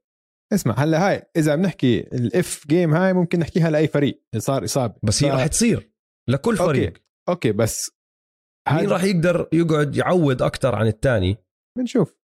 هلا اسمع طيب ماشي رح ندخل على الفرق الثانية بعدين رح أقول لك كل ما نحكي عن فريق اللي أنت حاطهم حوالين اللي حاطهم أنت فوق شيكاغو بدي أقول لك نقارنهم مع شيكاغو. برجع أربط لك إياهم بشيكاغو عشان أنا متفاجئ أنت هلأ حاطهم واطين. خاصة compare مثلا خلينا ندخل على فريق ثاني أنا حاطه بال شو كان المشاركه اللي هو البيسرز. اقنعني كيف البيسرز أفضل من البولز حاليا. طيب أنا راح أقنعك. السنة الماضية البيسرز بشكل عام كان موسمهم من أزبل المواسم اللي ممكن تصير لأي فريق. ماشي؟ صح. بحكي لك اولا بدي أرجع خطوة لورا بس عشان نكمل مين دخل ومين طلع عليهم. دخل عليهم توري كريج ودخل عليهم واحد اسمه كريس دوارتي اللي هو ال rookie اللي أخذوه آه، بال draft هاي السنة. م. طلع من عندهم آرون هوليدي ودوغ ماكديرمت ولا إشي. أكبر تغيير صار عندهم إنه كحش المدرب دخل عليهم ريك كارلايل. بالضبط و... تقدر تحكي هذا الحكي اللي راح أحكيه هلا عن كل فريق وراح نرجع نعيدها على فكرة أكثر من مرة يعني بالملاحظات اللي أنا حاطتهم راح أقدر أعيد لك أكمل لاعب مهم راح عليه أكمل مباراة لأكثر من فريق. م. بس السنة الماضية البيسرز تي جي وورن اللي من أفضل المسجلين عندهم بس لعب أربع مباريات. كاريس ليفرت عملوا له trade بنص الموسم دخل على الفريق بعدين لقوا هالكتلة السرطانية وبطل قادر يلعب لفترة طويلة. مايلز تيرنر راح عليه 25 مباراة مالكوم بروغدن راح عليه 16 مباراة دومانتاس سابونس راح عليه 10 مباريات وغير هيك المدرب تبعهم اللي كلهم كانوا يكرهوه آه. كان مجنون مجنون القصص اللي طلعت عنه الأشياء اللي بيعملها آه يعني طاقع إنسان ولا دخله. فهلا مع كل هذا الحكي وصلوا ال play-in game وكانوا على وشك إنهم يتأهلوا لل playoffs وكل هال disaster اللي عم بتصير الكارثة اللي عم بتصير بالموسم كانت موجودة. هلا شلنا هالمدرب رجعنا كل اللعيبة. وورن يعني تي جي وورن ما بعرف إذا رح يلعب من أول موسم بس رح يرجع very soon وعندك أربع لعيبة أنا بعطيك إياها إنه بيقدروا بيقدروا يسجلوا تقريبا 20 نقطة بالمباراة اللي هم ليفرت آه، تي جي وارن سابونس وبروغدن مع واحد مدافع جيد ال anchor تبعهم اللي بالنص اللي هو مايلز تيرنر مع backups كويسين. يعني جاستن هوليدي اللي كان يلعب منيح مرات السنة الماضية لسه موجود اللعيبة هدول لسه موجودة آه، تي جي ماكونل لسه موجود وكل هالأمور هاي. وهلأ بتزيد عليهم مدرب معروف بشغلة واحدة مين ما يكون عنده كلاعبين كمجموعة لاعبين دائما بيرفع مستواهم للحد الأقصى. مرات الحد الأقصى ما بيعمل لك إشي ما بيجيب لك بطولة ما بيجيب لك إشي. بس هذا المدرب متأكد أنا من هاي الشغلة وارجع بتاريخه كل فريق عم بيلعب معه لما تطلع على اللعيبة اللي عنده وعيش عملوا انت تقعد تحكي أوكي ما كان بيقدروا يعملوا أكثر من هيك جد ما بيقدروا يعملوا أكثر من هيك. أتفق فأنا بالنسبة لي شايف إنه كعمق وكخبرة وكتجانس راح يكونوا أحسن من البولز عشان عندهم هدول العوامل. حلو. بتفق معك عن المدرب. مدرب ممتاز. هي أحسن حركة سووها نرجع لعناصر الفريق بس. عندي علامات سؤال على أكثر من لاعب عشان ما شفنا منهم كفاية. تي جي وارن لعب منيح لمدة شهر. لا زلمة. بال bubble. لا يا زلمة تي جي وارن أنا بعرف هذا الحكي لأنه كنت دائما أخذه بال fantasy تبعي طيب. دائما من المخبيين اللي بيكونوا هيك. تي جي وارن صار له من 2017 18 معدله 19.6 18 الموسم اللي بعده 19.8 الموسم اللي بعده الموسم الماضي بس عشانه لعب أربع مباريات 15.5 آه. يعني consistent صار له سنين. طيب okay. 19 point بال game مش شيء كثير طيب. عم بحكي هذا إذا 19 point بال game إذا أنت عم بحكي لك في أربعة ممكن يعطوك هذا الرقم. لافيرت لافيرت بقدر يعطيك هذا الرقم. لافيرت كل موسم بينصاب. كل موسم. لهلا ما لعب موسم حق. كامل. معك. حق. هاي الشغلة حق. بروجدون سابونيس بروجدون سابونيس solid معك أنا. هدول معروف شو حتاخذوا منك. فهدول اثنين بس اللي عندي ثقة منهم إنه عارف شو حاخذ منهم. تي جي وارن راح عليه سنة كاملة؟ ما بنعرف بأي مستوى حيرجع. مايلز تيرنر ماشي بلوكات منيح وهلأ عم سدد ثلاثيات جيد. يعني مناح أنا ما عم بقول لك إنه مش مناح بس إنه حيكونوا عم بينافسوا لل play-in tournament هاي أكثر من هيك. هاي هي. أنا معك. آه. بس. مشان هيك حاطتهم بشغلة الحضور المشرف. إنه إذا وصلوا لو نافسوا لل play-in tournament ووصلوا ال playoffs عملوا كتير أكثر من المتوقع منهم. أختصر لك إياها بطريقة ثانية أحكي آه. لو الاثنين وصلوا ال play-in tournament وعم بيلعبوا مباراة واحدة آه. أنا بحكي إنه الأفضلية بتروح لل Pacers حق. بهاي المباراة المباراة الواحدة. أحكي لك أنا بالحضور المشرف حطيت فرق اللي ما بستغرب لو جابوا ال playoffs بدون play-in tournament إنه يعني ممكن اللي ممكن يطلعوا بأول ستة. أنا هذا كان المعيار تبعي. أنا بس أحط أعطيك صورة. طيب يعني okay. ال Pacers مستحيل يجيبوا أنا أشوفهم بال top 6 مستحيل حلو. طيب إذا هيك خلينا نغير شوي. م. إذا هذا المعيار آه. بنزل معك ال Pacers على اللي هو شكرا للمشاركة. okay. وأنت عم تحكي لي بيقدروا يوصلوا على ال playoffs بدون ال play-in آه. إنه في إنه لو لو, لو وصلوا بنزل شارلت معهم. لو وصلوا ما بتفاجئ كثير فهمت علي؟ انه بنزل شارلت. حلو. فخلينا نحكي عن شارلت. بس هذا تغير المعيار شوي. أنا المعيار تبعي ما كان هيك. المعيار تبعي كان إنه ما بستغرب لو إنهم بال playoffs بس لو وصلوا عن طريق ال play-in أو ما وصلوا عن طريق ال play-in آه. ما بتفرق معي كانت. ما ال play-in هلا أنا راح أستغرب إذا شفت ال play-in وسعت لهذا كثير. فهمت علي؟ آه وسعت ال play-in خربت الدنيا, الدنيا. صراحة مش واصلا إحصائياتها لليوم مش ملاقينها. 100% الصراحه خبصة شوي. بس ماشي. خلينا نحكي على شارلت خلينا نحكي على شارلت شارلت دخل عليهم كيلي أوبري. آه، إيش سميث أوبري ميسن بلملي. أوبري أوبري. أوبري. أوبري. زي ال أوبري. أيوه أوبري. كيلي أوبري. آه. وطلع من عندهم ديفونتي جراهام ماليك مونك وكودي زيلر مش هالشيء آه الشارلت هورنتس أنا حكيت لك إياها الموسم الماضي هلأ أكثر لسه عم بتزيد عندي. هدول بتعرف ال NBA League Pass darlings كيف بسموا لك؟ الفريق اللي ما بتشوفه على التلفزيون بس إذا عندك ال League Pass وأنا بنصح طبعا كل حدا يجيب League Pass. آه لما يكون عم بيلعب روح يضل مبارياته أنا بالنسبة لي السنة الماضية كانوا شارلت هورنتس حكيت لك أكثر من مرة ليش. آه لاميلو اولا. وثانيا المعلق إريك كولينز. أه اسمع أنا هذا أكثر شيء متحمس عليه. المعلق. المعلق؟ آه. آه إريك تصير نحط كولينز. لقطة؟ خلينا نحط لقطة هلأ. لل- للمعلق اللي ما بيعرف اللي ما عمره سمعه. ماشي. اسمع هاي اللقطة. Rozier. Gonna have to put something up. Yo! Yes! Terry Rozier! How do you do? Here comes Lamella Ball with his hair on fire. Miles! Wow! A windmill! هيك مجنون آه بيسويها آه، حبة. هاي بتصير كل حبة، ثلاث حبة. مرات يعني تخيل واسمع عم بتزيد وعم بتزيد. يعني انت عندك كان السنة الماضية لاميلو وبريدجز زائد اريك كولينز المعلق. هلأ عم بتزيد عليهم كيلي أوبري اللي انسى كل شيء سواه ب- بجولدن ستيت بس الزلمة بيقدر يدنك على ناس. الزلمة بيطير. بالضبط. شرس دنكاته highlights شرسة. فهمت علي؟ فعم بتزيدوا على هذا الثلاثي مع لاميلو. وبعدين الإشي الأخير اللي أنا كتير بحبه دائما بحكي لك إياه أنا كتير بحب الزي تبعهم ألوانهم اللون الأزرق تبعهم بحبه. يعني عيوني بنبسطوا لما يشوفوه. آه. فأنا كتير متحمس عليهم رح أضل أحضر لهم وأنا متوقع يكونوا أحسن من السنة الماضية لو بيقدروا كمان يضلهم بصحة تمام. لأنه اجين نرجع بنعيدها كتير. الموسم الماضي كان كارثي بالنسبة للإصابات من وراء كل شيء صار مع الكورونا كوفيد. والزفت. آه. وما ما ارتاحوا بعرفش إيش. جوردن هيورد راح عليه 28 مباراة. كالعادة. لاميلو راح عليه 21 مباراة. جوردن هيورد معدله السنة الماضية كان 20 نقطة 6 rebound 4 assist. آه كان جيد مان ولاميلو كان معدله 16 6 و6 بس لما صار starter صار 18 6 و6 مم. ونسبه فعاليته زادت آه فماشي فريق لسه فيه نقاط ضعف آه، الهجوم تبعهم ما كان منيح مع إنه ممتاز من ناحية ترفيهية بس. كتقييم هجومي كانوا رقم 23 كانوا رقم 16 على الدفاع يعني بالضبط عند المعدل بنص الدوري فمش كتير مناح ما عندهم center يعني مين ال center تبعهم؟ جابوا بلملي بلملي جابوا يا زلمة بلملي ما بزبط معهم كان كان ب Team USA. بالعكس. آه بس بضلهم بلملي يا زلمة. شو احكي آه. لك؟ ميسن بلملي أنا شايف إنه هذا الفريق لازم run and gun يلعب. ركض آه، سريع مية. اعطي لاميلو الطابة وأركض. 100% fast break رايح طالع. آه، 100% بالضبط. ضلك فاست بريك سمايل بريدجز عم بدنك على الكل.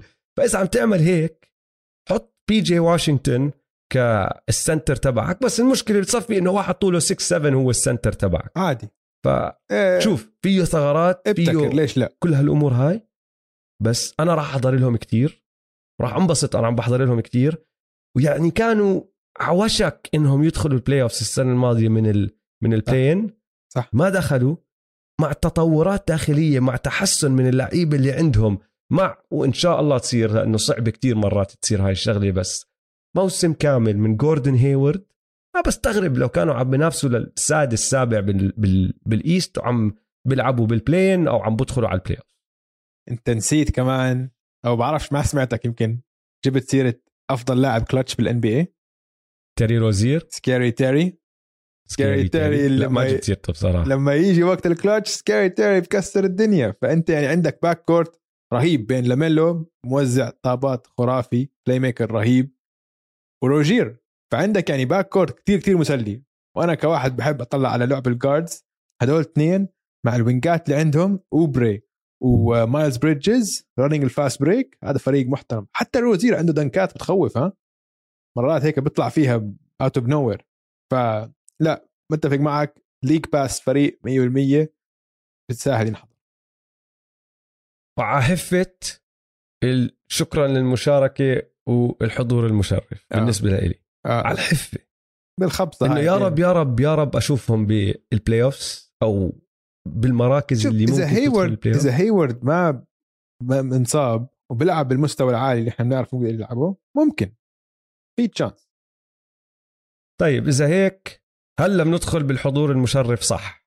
أها. بس في فريق رح نختلف عليه actually لأنه أنت عندك فريق واحد تاركه برا. رح نحكي عنه هلا. أنا حاطه بالحضور المشرف أنت حاطه بالشكرا للمشاركه عم بتذكر أيام ما طيب. حطيتهم تاسع خلصوا تاني على ال East. اسمع طيب. خلينا خلينا ناخذ timeout قبل ما نخش بشبابك. خلينا ناخذ timeout ونرجع. عشان أنت مجنون في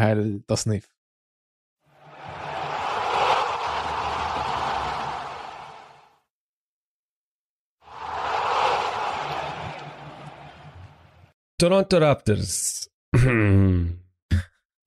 خليني أسألك سؤال؟ أسألك نبدا نبداها بسؤال آه. شو عم بيعمل فريقك؟ بالضبط؟ أنا مش فاهم. من من من بعيد مش مب... مش واضح الأمور. مش أعطيك واضح. جواب. عشان أحكي لك ليش. عندي هذا السؤال له جزئين. ماشي؟ آه. اولا كل حدا كان عارف إنه الدرافت هاي السنة كان عندك أربع نجوم بعدين في جاب كبيره والنجم الرابع كان جيلن ساجز كان تقدر تختاروه ما اخترتوه هذا حيطلع نجم 100% هذا أول شق من السؤال. الشق الثاني أنتم حاليا عندكم 15 wing حاليا على الفريق. بين طول 6 7 6 6 و 6 8 شو عم بتسووا؟ هذا السؤال.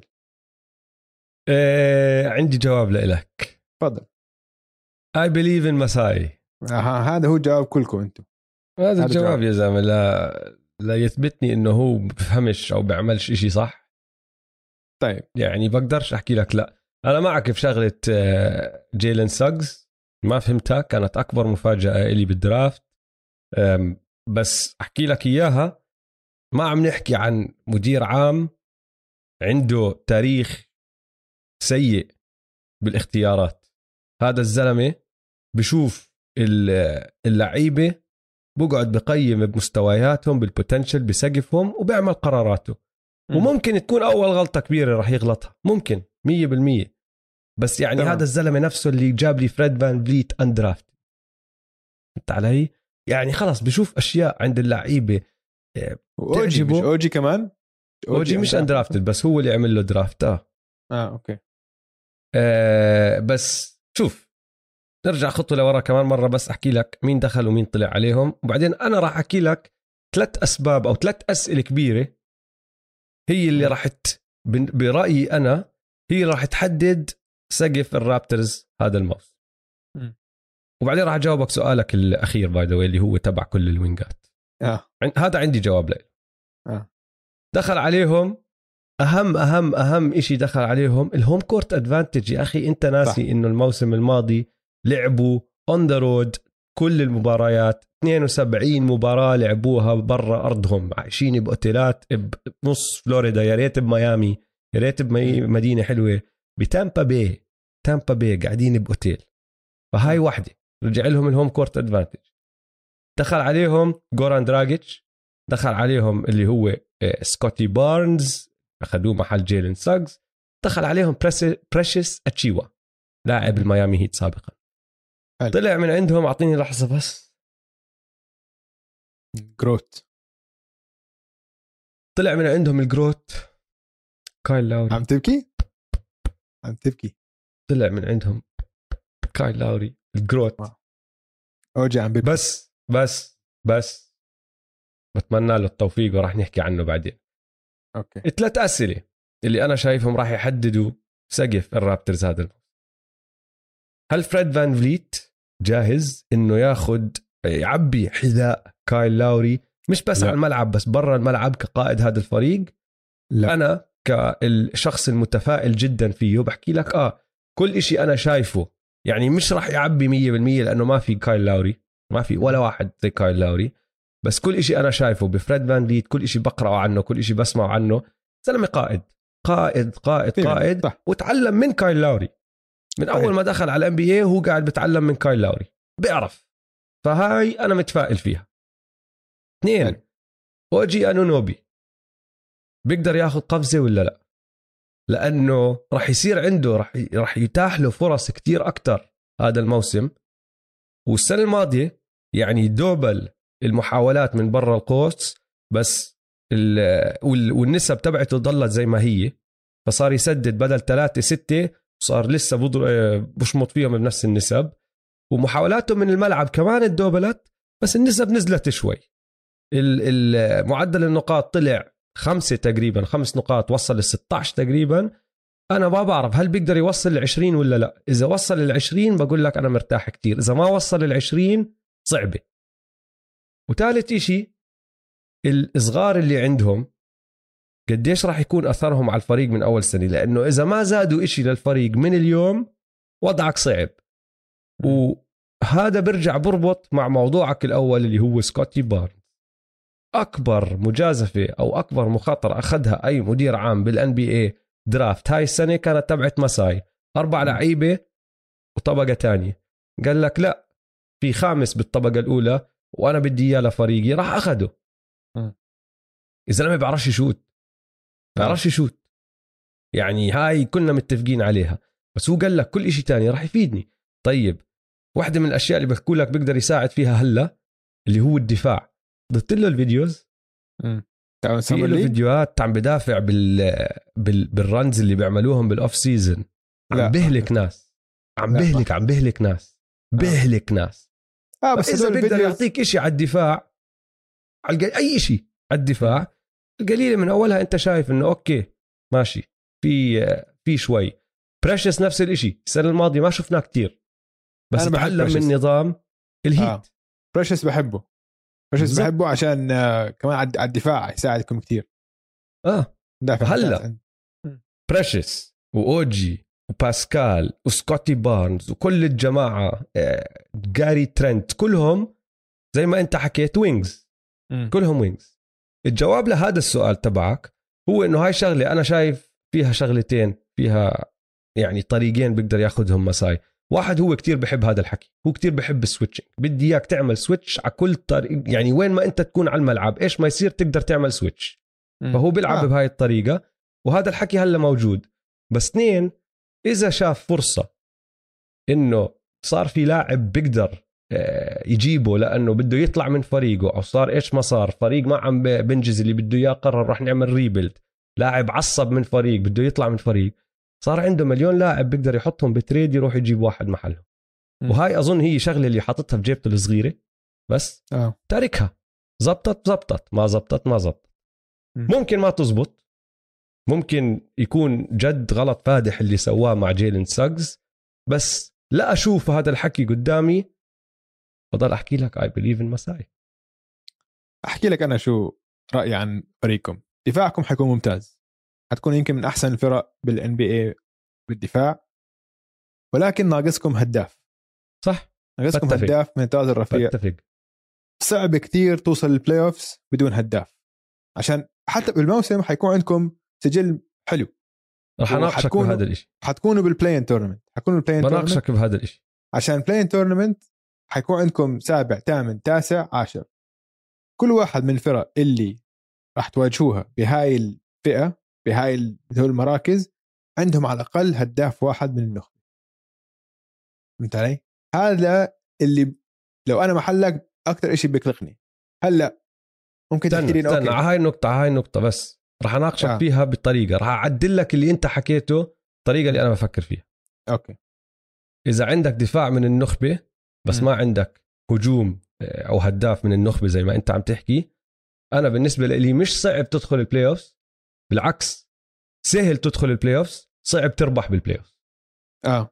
بس لا ما هو أنا هيك شايفها. ما هو آه ما هو نحن زدنا ال play-in tournament صار عندك مش ثمان فرق. ولو إنه ثمانيه ممكن تدخلوا ثامن أو سابع بس نحن هلا السابع والثامن والتاسع والعاشر حيلعبوا زي playoff صغيرة زي play-in play-in game وبهاي ال game بدك الهداف. رح اعطيك مثال آه، نيويورك السنة الماضية. آه. نيويورك ما كان عندهم هداف من النخبة. بس بالموسم كان عندهم. لا جوليوس راندل كان بالموسم. عندهم كان عندهم باسكال سياكم بس لا بس آه جوليوس بال- راندل. بس بالموسم كان كان زمان في ناس حكوا عنه MVP هلا آه بس نزل مستواه كثير بال playoffs بس إنه بالموسم كان هداف. 40% لا، من بس استنى، الثلاثيات إذا هيك أنت high شو- شو- كذا. انت شو آه، تعريفك لهداف؟ جوليوس راندل بالموسم السنة الماضية كان هداف. ليش؟ كان هي كان get bucket فهمت علي لما تأزمت طيب. الأمور كل ال clutch situations إنه خلص لما لما تكون لاعب لما يوصل وقت الحسم وتكون اللعب هيك tight وكذا كان يعطوها لواحد وخلاص يصنع فرصة لحاله. جوليوس راندل سواها بالموسم. ما عرف يسويها بال playoffs أنتوا هذا اللاعب اللي ناقصكم فهمت علي؟ يعني فريد فان فليت لا ممكن شايف يعملها. أنا هون باجي بحكي لك برجع بعيد لك. أظن بالموسم عندك اثنين ممكن يعملوا لك هذا الحكي. فهمت علي؟ بالموسم. سياكم وفان فليت بالضبط. ما أظن بيعملوه بال playoff بال playoffs أنا معك 100% كل شيء بصير أصعب. مم. و... وإذا دخلوا على ال playoffs إذا اليوم أنت جيت قلت لي والله الرابترز. تأهلوا لل playoffs ودخلوا ال playoffs أنا بقول لك بيربحوش round ك... كفريق هلا اللي Yeah. مكون هلا. إذا تغير إشي عليهم إشي تاني. بس اليوم بحكي لك أنا عندي ثقة كاملة إنهم بيقدروا يدخلوا ال playoffs بس بعد ما يدخلوا ال playoffs أنا معك 100% متفق إنه ناقصهم واحد لما تأزم الأمور تعطيه الطابة كل حدا يزيح عن الطريق هاد وهو يعمل اللي عليه. تمام. حلو حلو. طب أقول لك مين عندك إيه، كمان؟ طيب. مين غيرك عندهم؟ مين عندك غيرهم بالحضور المشرف؟ عندي النكس هلا جبنا سيرة النكس راح نكمل عن النكس أوكي. النكس دخل عليهم كامبا ووكر وإيفن فورنيه طلع من عندهم ريجي بولوك وألفريد بيتن. هدول الأسامي البارزه آه، حركات شوي صغيرة هيك آه، تحت الرادار خلينا نحكي. بس مبين واضح إنه هم شافوا نقاطهم ضعف عندهم بال playoffs وحاولوا يستهدفوها ويحلوها. لأنه الدفاع تبعهم ما كان مشكلة. حتى بال playoffs السنة الماضية كانوا سادس بالتقييم الدفاعي بال playoffs بس كانوا رقم 15 على التقييم الهجومي يعني نعم. كان كانوا ثاني أسوأ هجوم بكل ال playoffs. فهم كانوا محتاجين صانعي ألعاب وكانوا محتاجين هدافين راحوا جابوا لك كمبا واكر هيو صانع ألعاب وبهدف وجابوا إيفن فورنية اللي هو بيقدر يكون هداف مش. من الطراز الأعلى بس بيقدر يسجل هلأ ولا واحد فيهم مدافع ولا واحد فيهم معروف كمدافع حتى فوق المعدل. فما بعرف إذا كانت مجازفة صح ولا لا. لأنه كل الفريق مبني على أفكار تبدو الدفاعية. رجي بولوك كان جزء كبير من هذا الإشي. هلا مرة واحدة بطل عندك إياه ولازم تلعب هدول الاثنين إذا بدك تحل المشكلة الثانية قصة شوي. بس راجع لعندهم ميتشل روبنسون. ميتشل روبنسون مدافع جيد ك ك ك center ك big man. يعني أنا. برأيي الشخصي شايفهم تحسنوا بس ما كسروا الحاجز اللي كان موجود بينهم وبين الفرق اللي من نخبة ال- الشرق فضلهم بهذا. بهاي الفئة اللي هي الحضور المشرف آه بتفق معك عندك يعني آر جي باريت ممكن يتحسن كثير تحسن. هو اخر من خمس السنة الماضية إذا تحسن كثير وصار هداف من النخبة هاي كمان حتأثر كثير يعني حي حترفع سقفهم كثير عشان هو ممكن يعني من على الناحية الهجومية هو أعلى سقف خلينا نقول. لسه ما وصلوا بس ممكن يكون أعلى سقف عندهم بال على الجهه الهجومية. الدفاع حيظبطوا تيبدو. الدفاع حيظبطوا تيبدو فأنا عجبني إنه جابوا آه حسنوا هجومهم شوي بس لسه ما بدخلهم بطبقة المنافسين. يعني محلهم هنا عادل I think متفقين.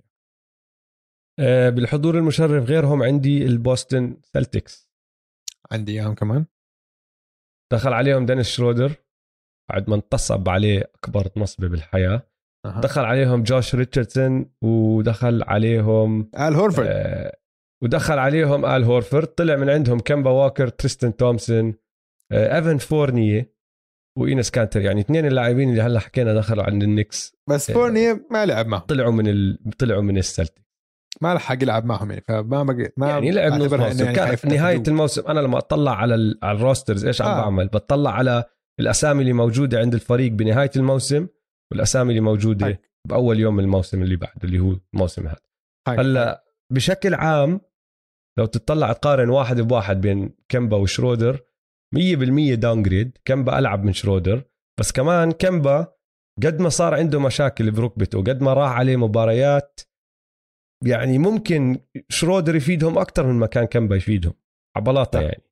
والإصابات هاي دمرت بوسطن الموسم الماضي. جيسون تيتم راح عليه بس ثمان مباريات بس قعد شهر ونص شهرين تقريبا مش على بعضه. بعد آه. الكوفيد. مش قادر يتنفس مش قادر يلعب. جيلن براون راح عليه 14 بس كان من ضمنهم اللي هم آخر سبعة من الموسم وال play-in tournament ما لعب فيها والدور الأول بال playoff ما لعب فيه. آه، ماركس سمارت راح عليه 24 مباراة. كمبا واكر اللي هلا جبنا سيرته راح عليه 30 مباراة. فما ما شفنا نحن السلتكس زي ما كان مفروض نشوفهم الموسم الماضي. وهم توقعاتهم كانت كتير أعلى من اللي صار معهم. ما كانوا. بدهم يخلصوا سابع ويدخلوا ال playoffs ويطلعوا من أول round كانوا بدهم ينافسوا. آه. هلا هاي السنة يعني بتوقعهم يتحسنوا شوي. بس كمان حركاتهم ما كانت من الحركات اللي آه، أوف. غيرت الميزان بطريقة كتير كبيرة. آه. يعني تيتم موجود. موجود. هذا حجر أساسك. لعيب. لعيب لعيب لعيب. جيلن براون. جيلن براون. جيلن براون حسبني أساس. موجود. وكل سنة آه. بتحسن جيلن براون كمان.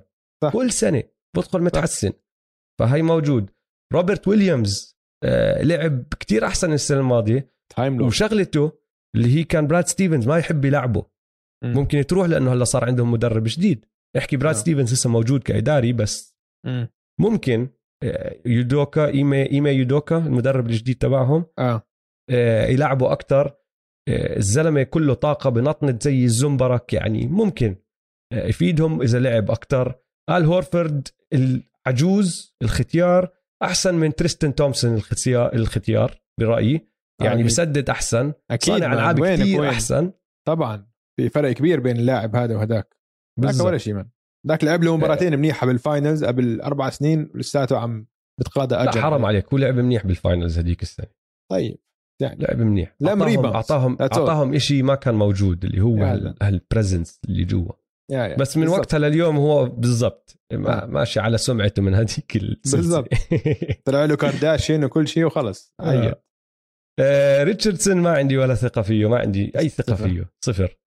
آه، بعد بعد خيبة الأمل اللي شفتها بدالاس سنتين مش فاهم شو قصته. لا ومع السكسرز كمان كان ضعيف. كان مع السكسرز لفترة. آه مع السكسرز ومع الدالاس أنا هيك قصدي آه. sorry. السنتين بعد ما طلع من ميامي. بالضبط. بالضبط. آه آه. آم، مش شايف مش شايف فيه إشي إنه بتفائل عليه. فهي شغله كلها إنه راح ترجع لهدول التنين. جيسون تيتم وجيلن براون بس شوف هم اكبر سقف نقطة ضعف الفريق. أكبر نقطة ضعف عندهم اللي ما حلوها ال playmaking ما عندك playmaker منيح بالفريق. صح. جيسون وجيلن مناح scorers مدافعين ممتازين. ال هورفورد ممكن يلعب يعني عنده حركات حلوة من ال high post وكذا بس مش ال primary playmaker مش تبعه. مفروض ما مش بعرف دينيس شودر كمان. تبعك.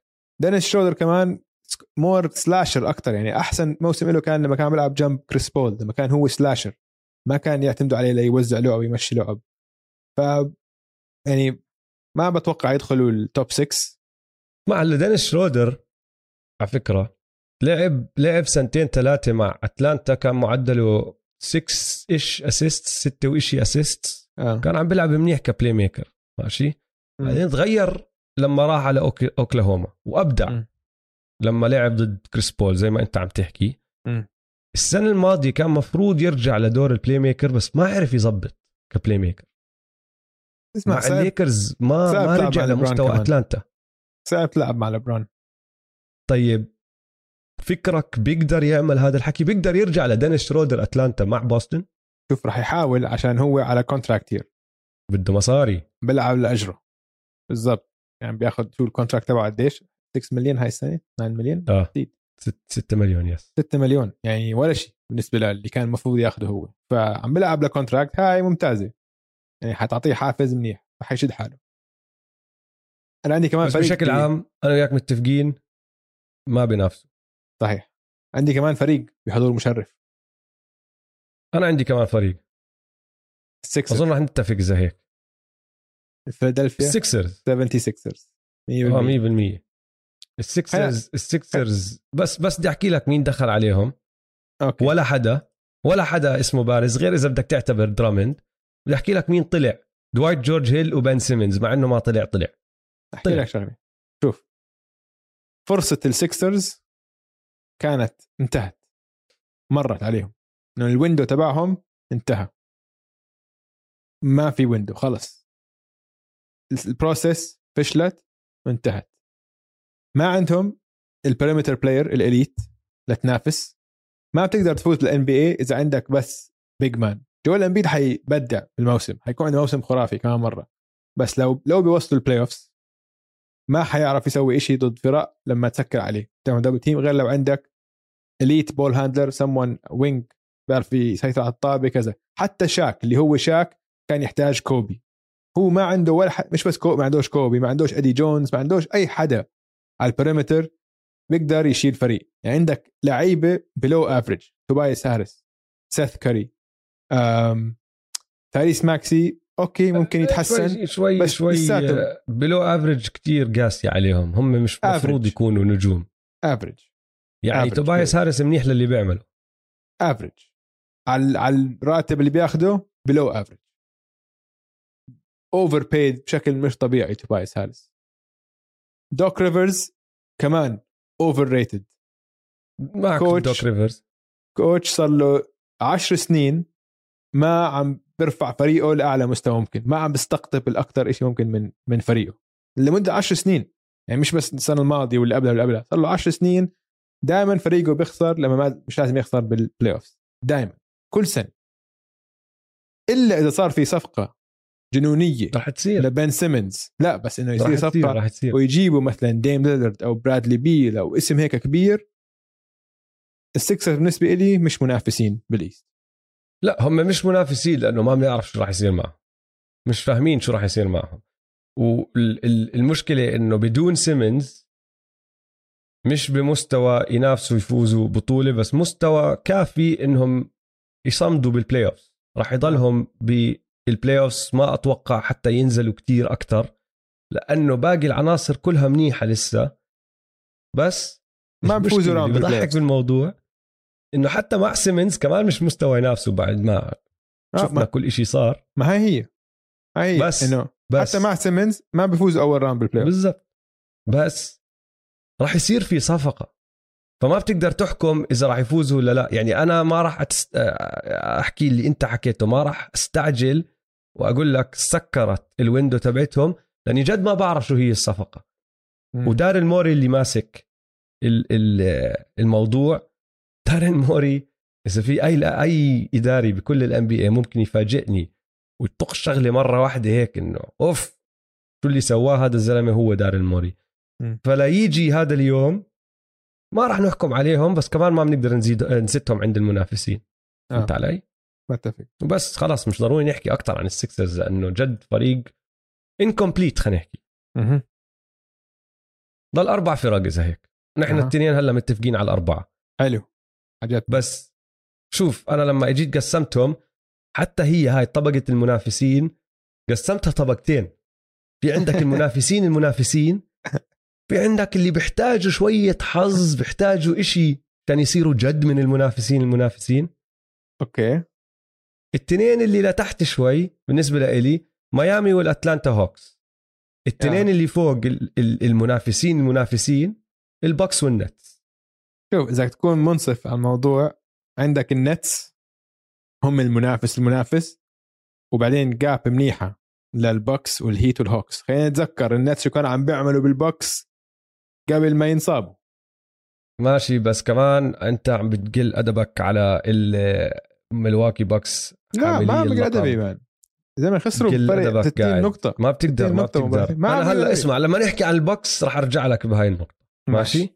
بس خلينا نبدأ باللي تحت أوكي. ميامي وأتلانتا.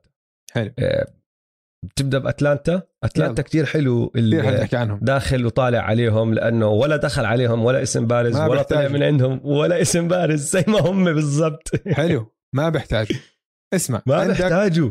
الفريق تعرف يقولوا لك stacked. مطفح لعيبة آه. مطفح. لعيبة. هذا فريق مطفح لعيبة. رهيب. وصغار وبالعادة اللعيبة الصغار بتطوروا وبتحسنوا. آه. فهم راح يتطوروا ويتحسنوا. المشكلة أو اللي بدك تتجنبه إنه كتير مرات لما يصير في فريق فيه كل هاللعيبة هالعدد الكبير من اللعيبة اللي جد بيقدروا يعطوك ويساهموا ما- في شيء يصيروا يدقوا ببعض. ما في وقت كفاية لكل حدا. بالضبط. أنا بدي ألعب أكتر ليش ما عم بتلاعبني بعصب هاد بعصب هداك هاي. فهاي هي أكبر أكبر عقبة لازم يتجاوزها نيت ماكميلن هذا الموسم وكيف يوزع الدقائق على كل الجماعة اللي عنده بس غير هيك يعني بنطفح الفريق آه هانتر راح يرجع مهم. ديأندري هانتر راح يرجع كام ريدش كان عنده خلينا نسميه mini breakout بال play آه. offs لعب له آه. اكمل مباراه إنه أوف والله من وين أنت طلعت لي. بوغدانوفيتش من أول الموسم جاهز بعد. الإصابات اللي صار معه الموسم الماضي داخل جاهز هذا الموسم من أولها. جون كولينز وقع عقده ريح راسه مصاريب جيبته. تري أثبت للكل إنه الشرير تري نجم نجم نجم. يعني اسمع رهي Red رهيبين. رهيبين ريد رهيبين. فيلفت تنساش ريد فيلفت ريد كل كثير في منهم كثير في منهم. هذا الحلو بال... بالهوكس. مم. الإشي الثاني بس اللي بدك تحط عينك ب... عينك عليه وتخلي بالك منه إنه خلص صاروا يعرفوا الناس مين هم الهوكس. بطلوا راح يفاجئوا حدا.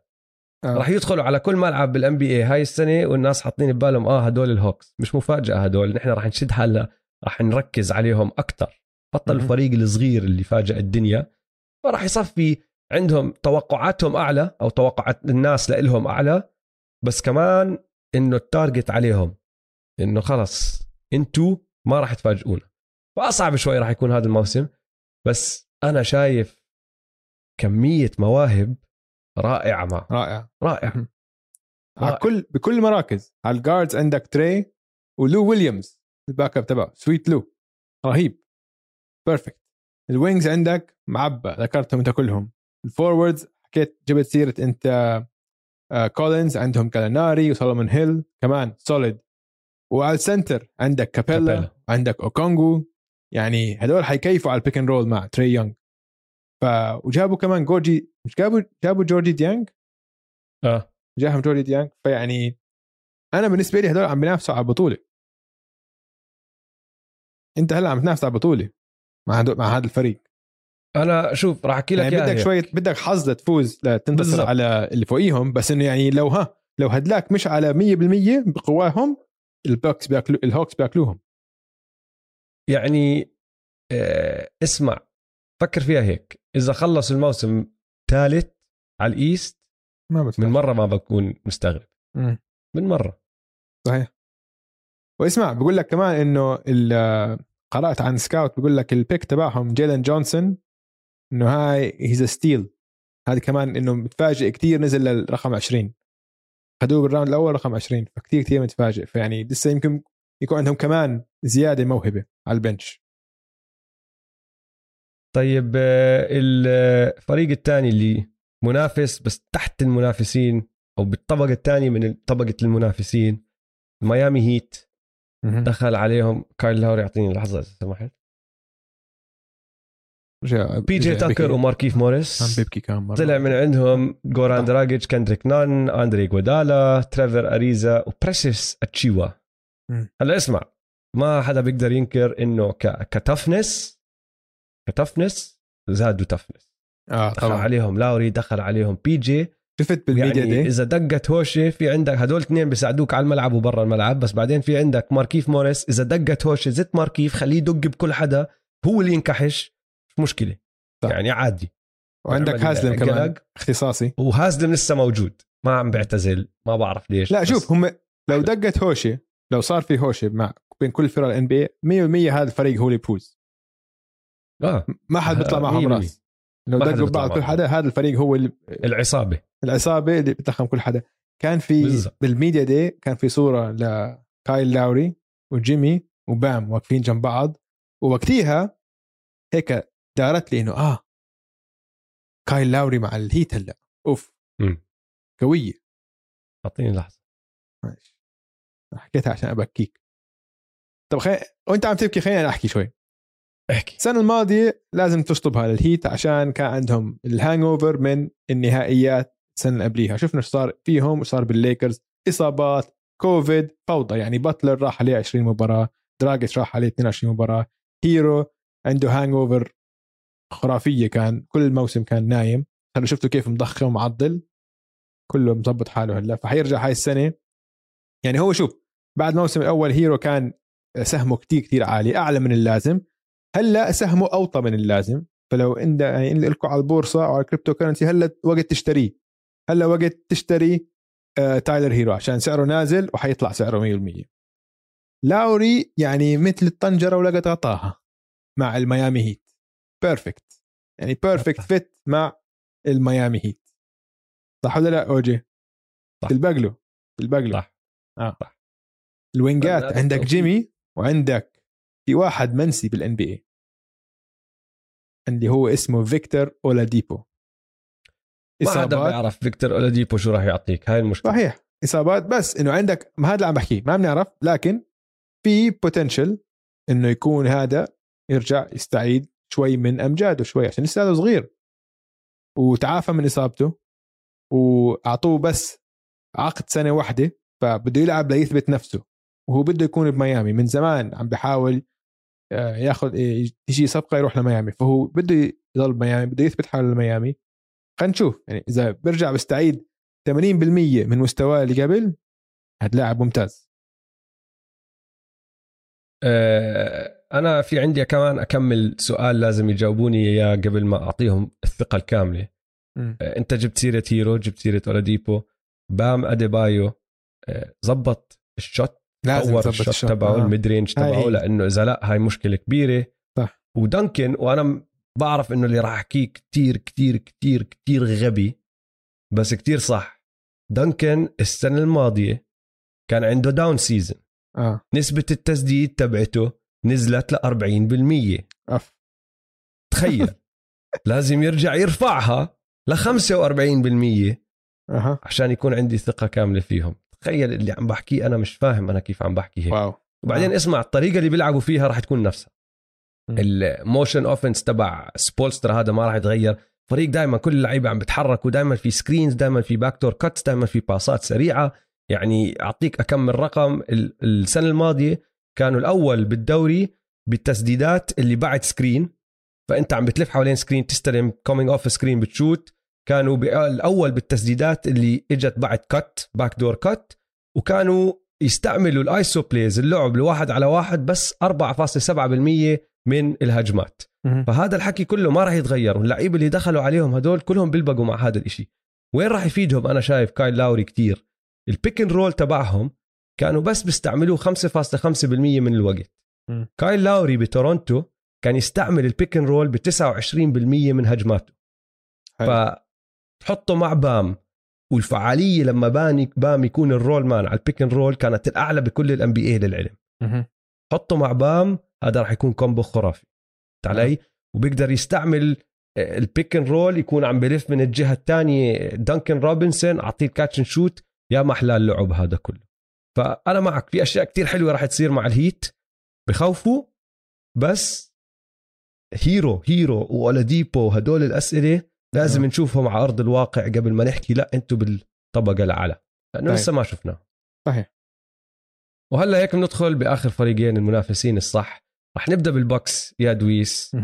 آه، جورج هيل جريسون آلن وسامي أوجيلي دخلوا عليهم مش الاسامي الكبيرة. احكي جورج أنا هيل. بحب اسمع أنا بحب جريسون آلن.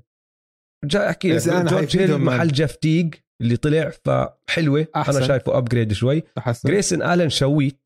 تحسن شويت منيح. كثير ومدافع كويس. آه. آه، والشويته دائما بكيفوا لما يلعبوا مع يانس. وما إشي من اللحظة. تكون أنت شويت تلعب مع يانس. وما بيخاف من آه، اللحظة بس- الن آه. بس طلع من عندهم بي جي تاكر وجيف تيج هلأ ال- الأثر تبع بي جي على الفريق ولا شيء. يا زلمة حسب مين تسأل. zero. في ناس بيقولوا لك يا زلمة مهم جدا. وفي ناس زيك بيقولوا انساه ما راح ما سوى بس مباراة نص مباراة على كيفن دورانت لعب. باقي كان بس صفر على في الشمال. ناس هيك وناس هيك. راجع لهم آه، دونتي دي فينشينزو دونتي دي فينشينزو كان starter آه. انصاب بأول playoff دي فينشينزو بالضبط. وما لعب. فدونتي دي فينشينزو راح يرجع لهم وكل هالأمور هاي. بس هون راح أرجع لنقطتك لما أنت جبت سيرة البوكس وفرقت بينهم وبين النت. راح يكون عندهم شغلة اللي هي خبرة البطل. البطل. حلو. قلب البطل. المشوار تبعهم الموسم الماضي ليفوزوا هالبطولة ما كان سهل. وضلهم يت... يتخطوا عقبات تطلع بوجههم وفازوا. وكلهم هلا راح يكونوا داخلين بهالعقلية اللي هي عقلية اسمع أنا بطل أنا عملت اللي علي. وغير هيك كمان راح أربط لك إياها بشغلة أنت حكيتها. ما حدا متوقع منهم إشي. هي. الكل عم بيحكي. لك عن الليكرز والنتس فأنت بطل داخل بدون أي expectations بدون أي ضغط. هذا. رح يساعدهم. هاي أكبر نقطة قوة إلهم هذا الموسم. إنه أنت هلأ zero pressure ما في ضغط بالمرة. أنت عم تلعب ب house money أنت فايز بطولة حط ببطنك بطيخة صيفي وانبسط. العب مرتاح. سوي اللي بدك إياه. فهاي معك أنا بتفق معك بتفق معك 100% أنا بس نقطتي معك. كانت إنه من ناحية موهبة وهيك هدلاك بمستوى آه. تاني كتير ماشي اتفقنا آه. بس من ناحية من ناحية روح تنافسية من ناحية صح. روح. قتالية هدول رح يطلعوا راس مع أي حدا وبدنا نحط برجع بذكرك يانس تو تايم ام في بي فاينلز ام في بي 50 عمره 26 برجر سنة ما كان يشوت. بيعرفش يشوت. وكل سنة بيرجع متطور كل سنة بيرجع محسن ومظبط حاله بإشي. ضلنا ضلنا صلنا سنين نستنى فيها هاي الشغلة اللي هي يرجع بيعرف يشوت. بس إذا هاي كانت السنة اللي بيعرف يشوت فيها أكل هوا ال NBA رهيب رهيب. وآخر فريق يا دويس البروكلين نتس. آه، دخل عليهم. باتي ميلز لماركس الدريج بول ميلساب جيمس جونسون جيفون كارتر وكاميرون توماس راح أحكي لك عن الأربع الأوائل والاثنين اللي اللي اللي بعدهم بلحظة. طلع من عندهم سبنسر دينويدي مع إنه ما لعب معهم الموسم الماضي. يلا لعب فما بعرف إذا بدك تعتبره راح ولا لا. مم. جيف جرين راح دي اندري جوردن راح ولاندري شامت راح. نحن بنضلنا نتخوت على الليكرز إنهم الختايرة. بس والله النتس ما قصروا يعني. اسمع جابوا باتي ميلز اللي عمره 33 سنة لماركس الدريج عمره 36 بول ميلساب عمره 36 وجي جي جيمس جونسون عمره 34 سنة. شوف لما أنت تحت تكون ال بدك 35 خاتم كلاعب مخضرم تروح على هيك فرق. تحت ال 35 مش خت... ختيار. فوق ال 35 ختيار. طيب عندك. اثنين من الأربعة فوق ال آه 35 اثنين. آه صحيح. هلا مش على مستوى الليكرز ما عم بحكي لكم على مستوى الليكرز بس آه. إنه يعني آه يعني عندهم ما قصروا خير. كمان عملوا اكم حركه هون آه. هنا حسنوا كثير تحسنوا حسنوا كثير بس برايي برأيي للعلم تحسنوا بالأسامي اللي ما بتتوقعها أكثر من الأسامي اللي بتتوقعها يعني أنا شايف باتي ميلز وجيفون كارتر آه.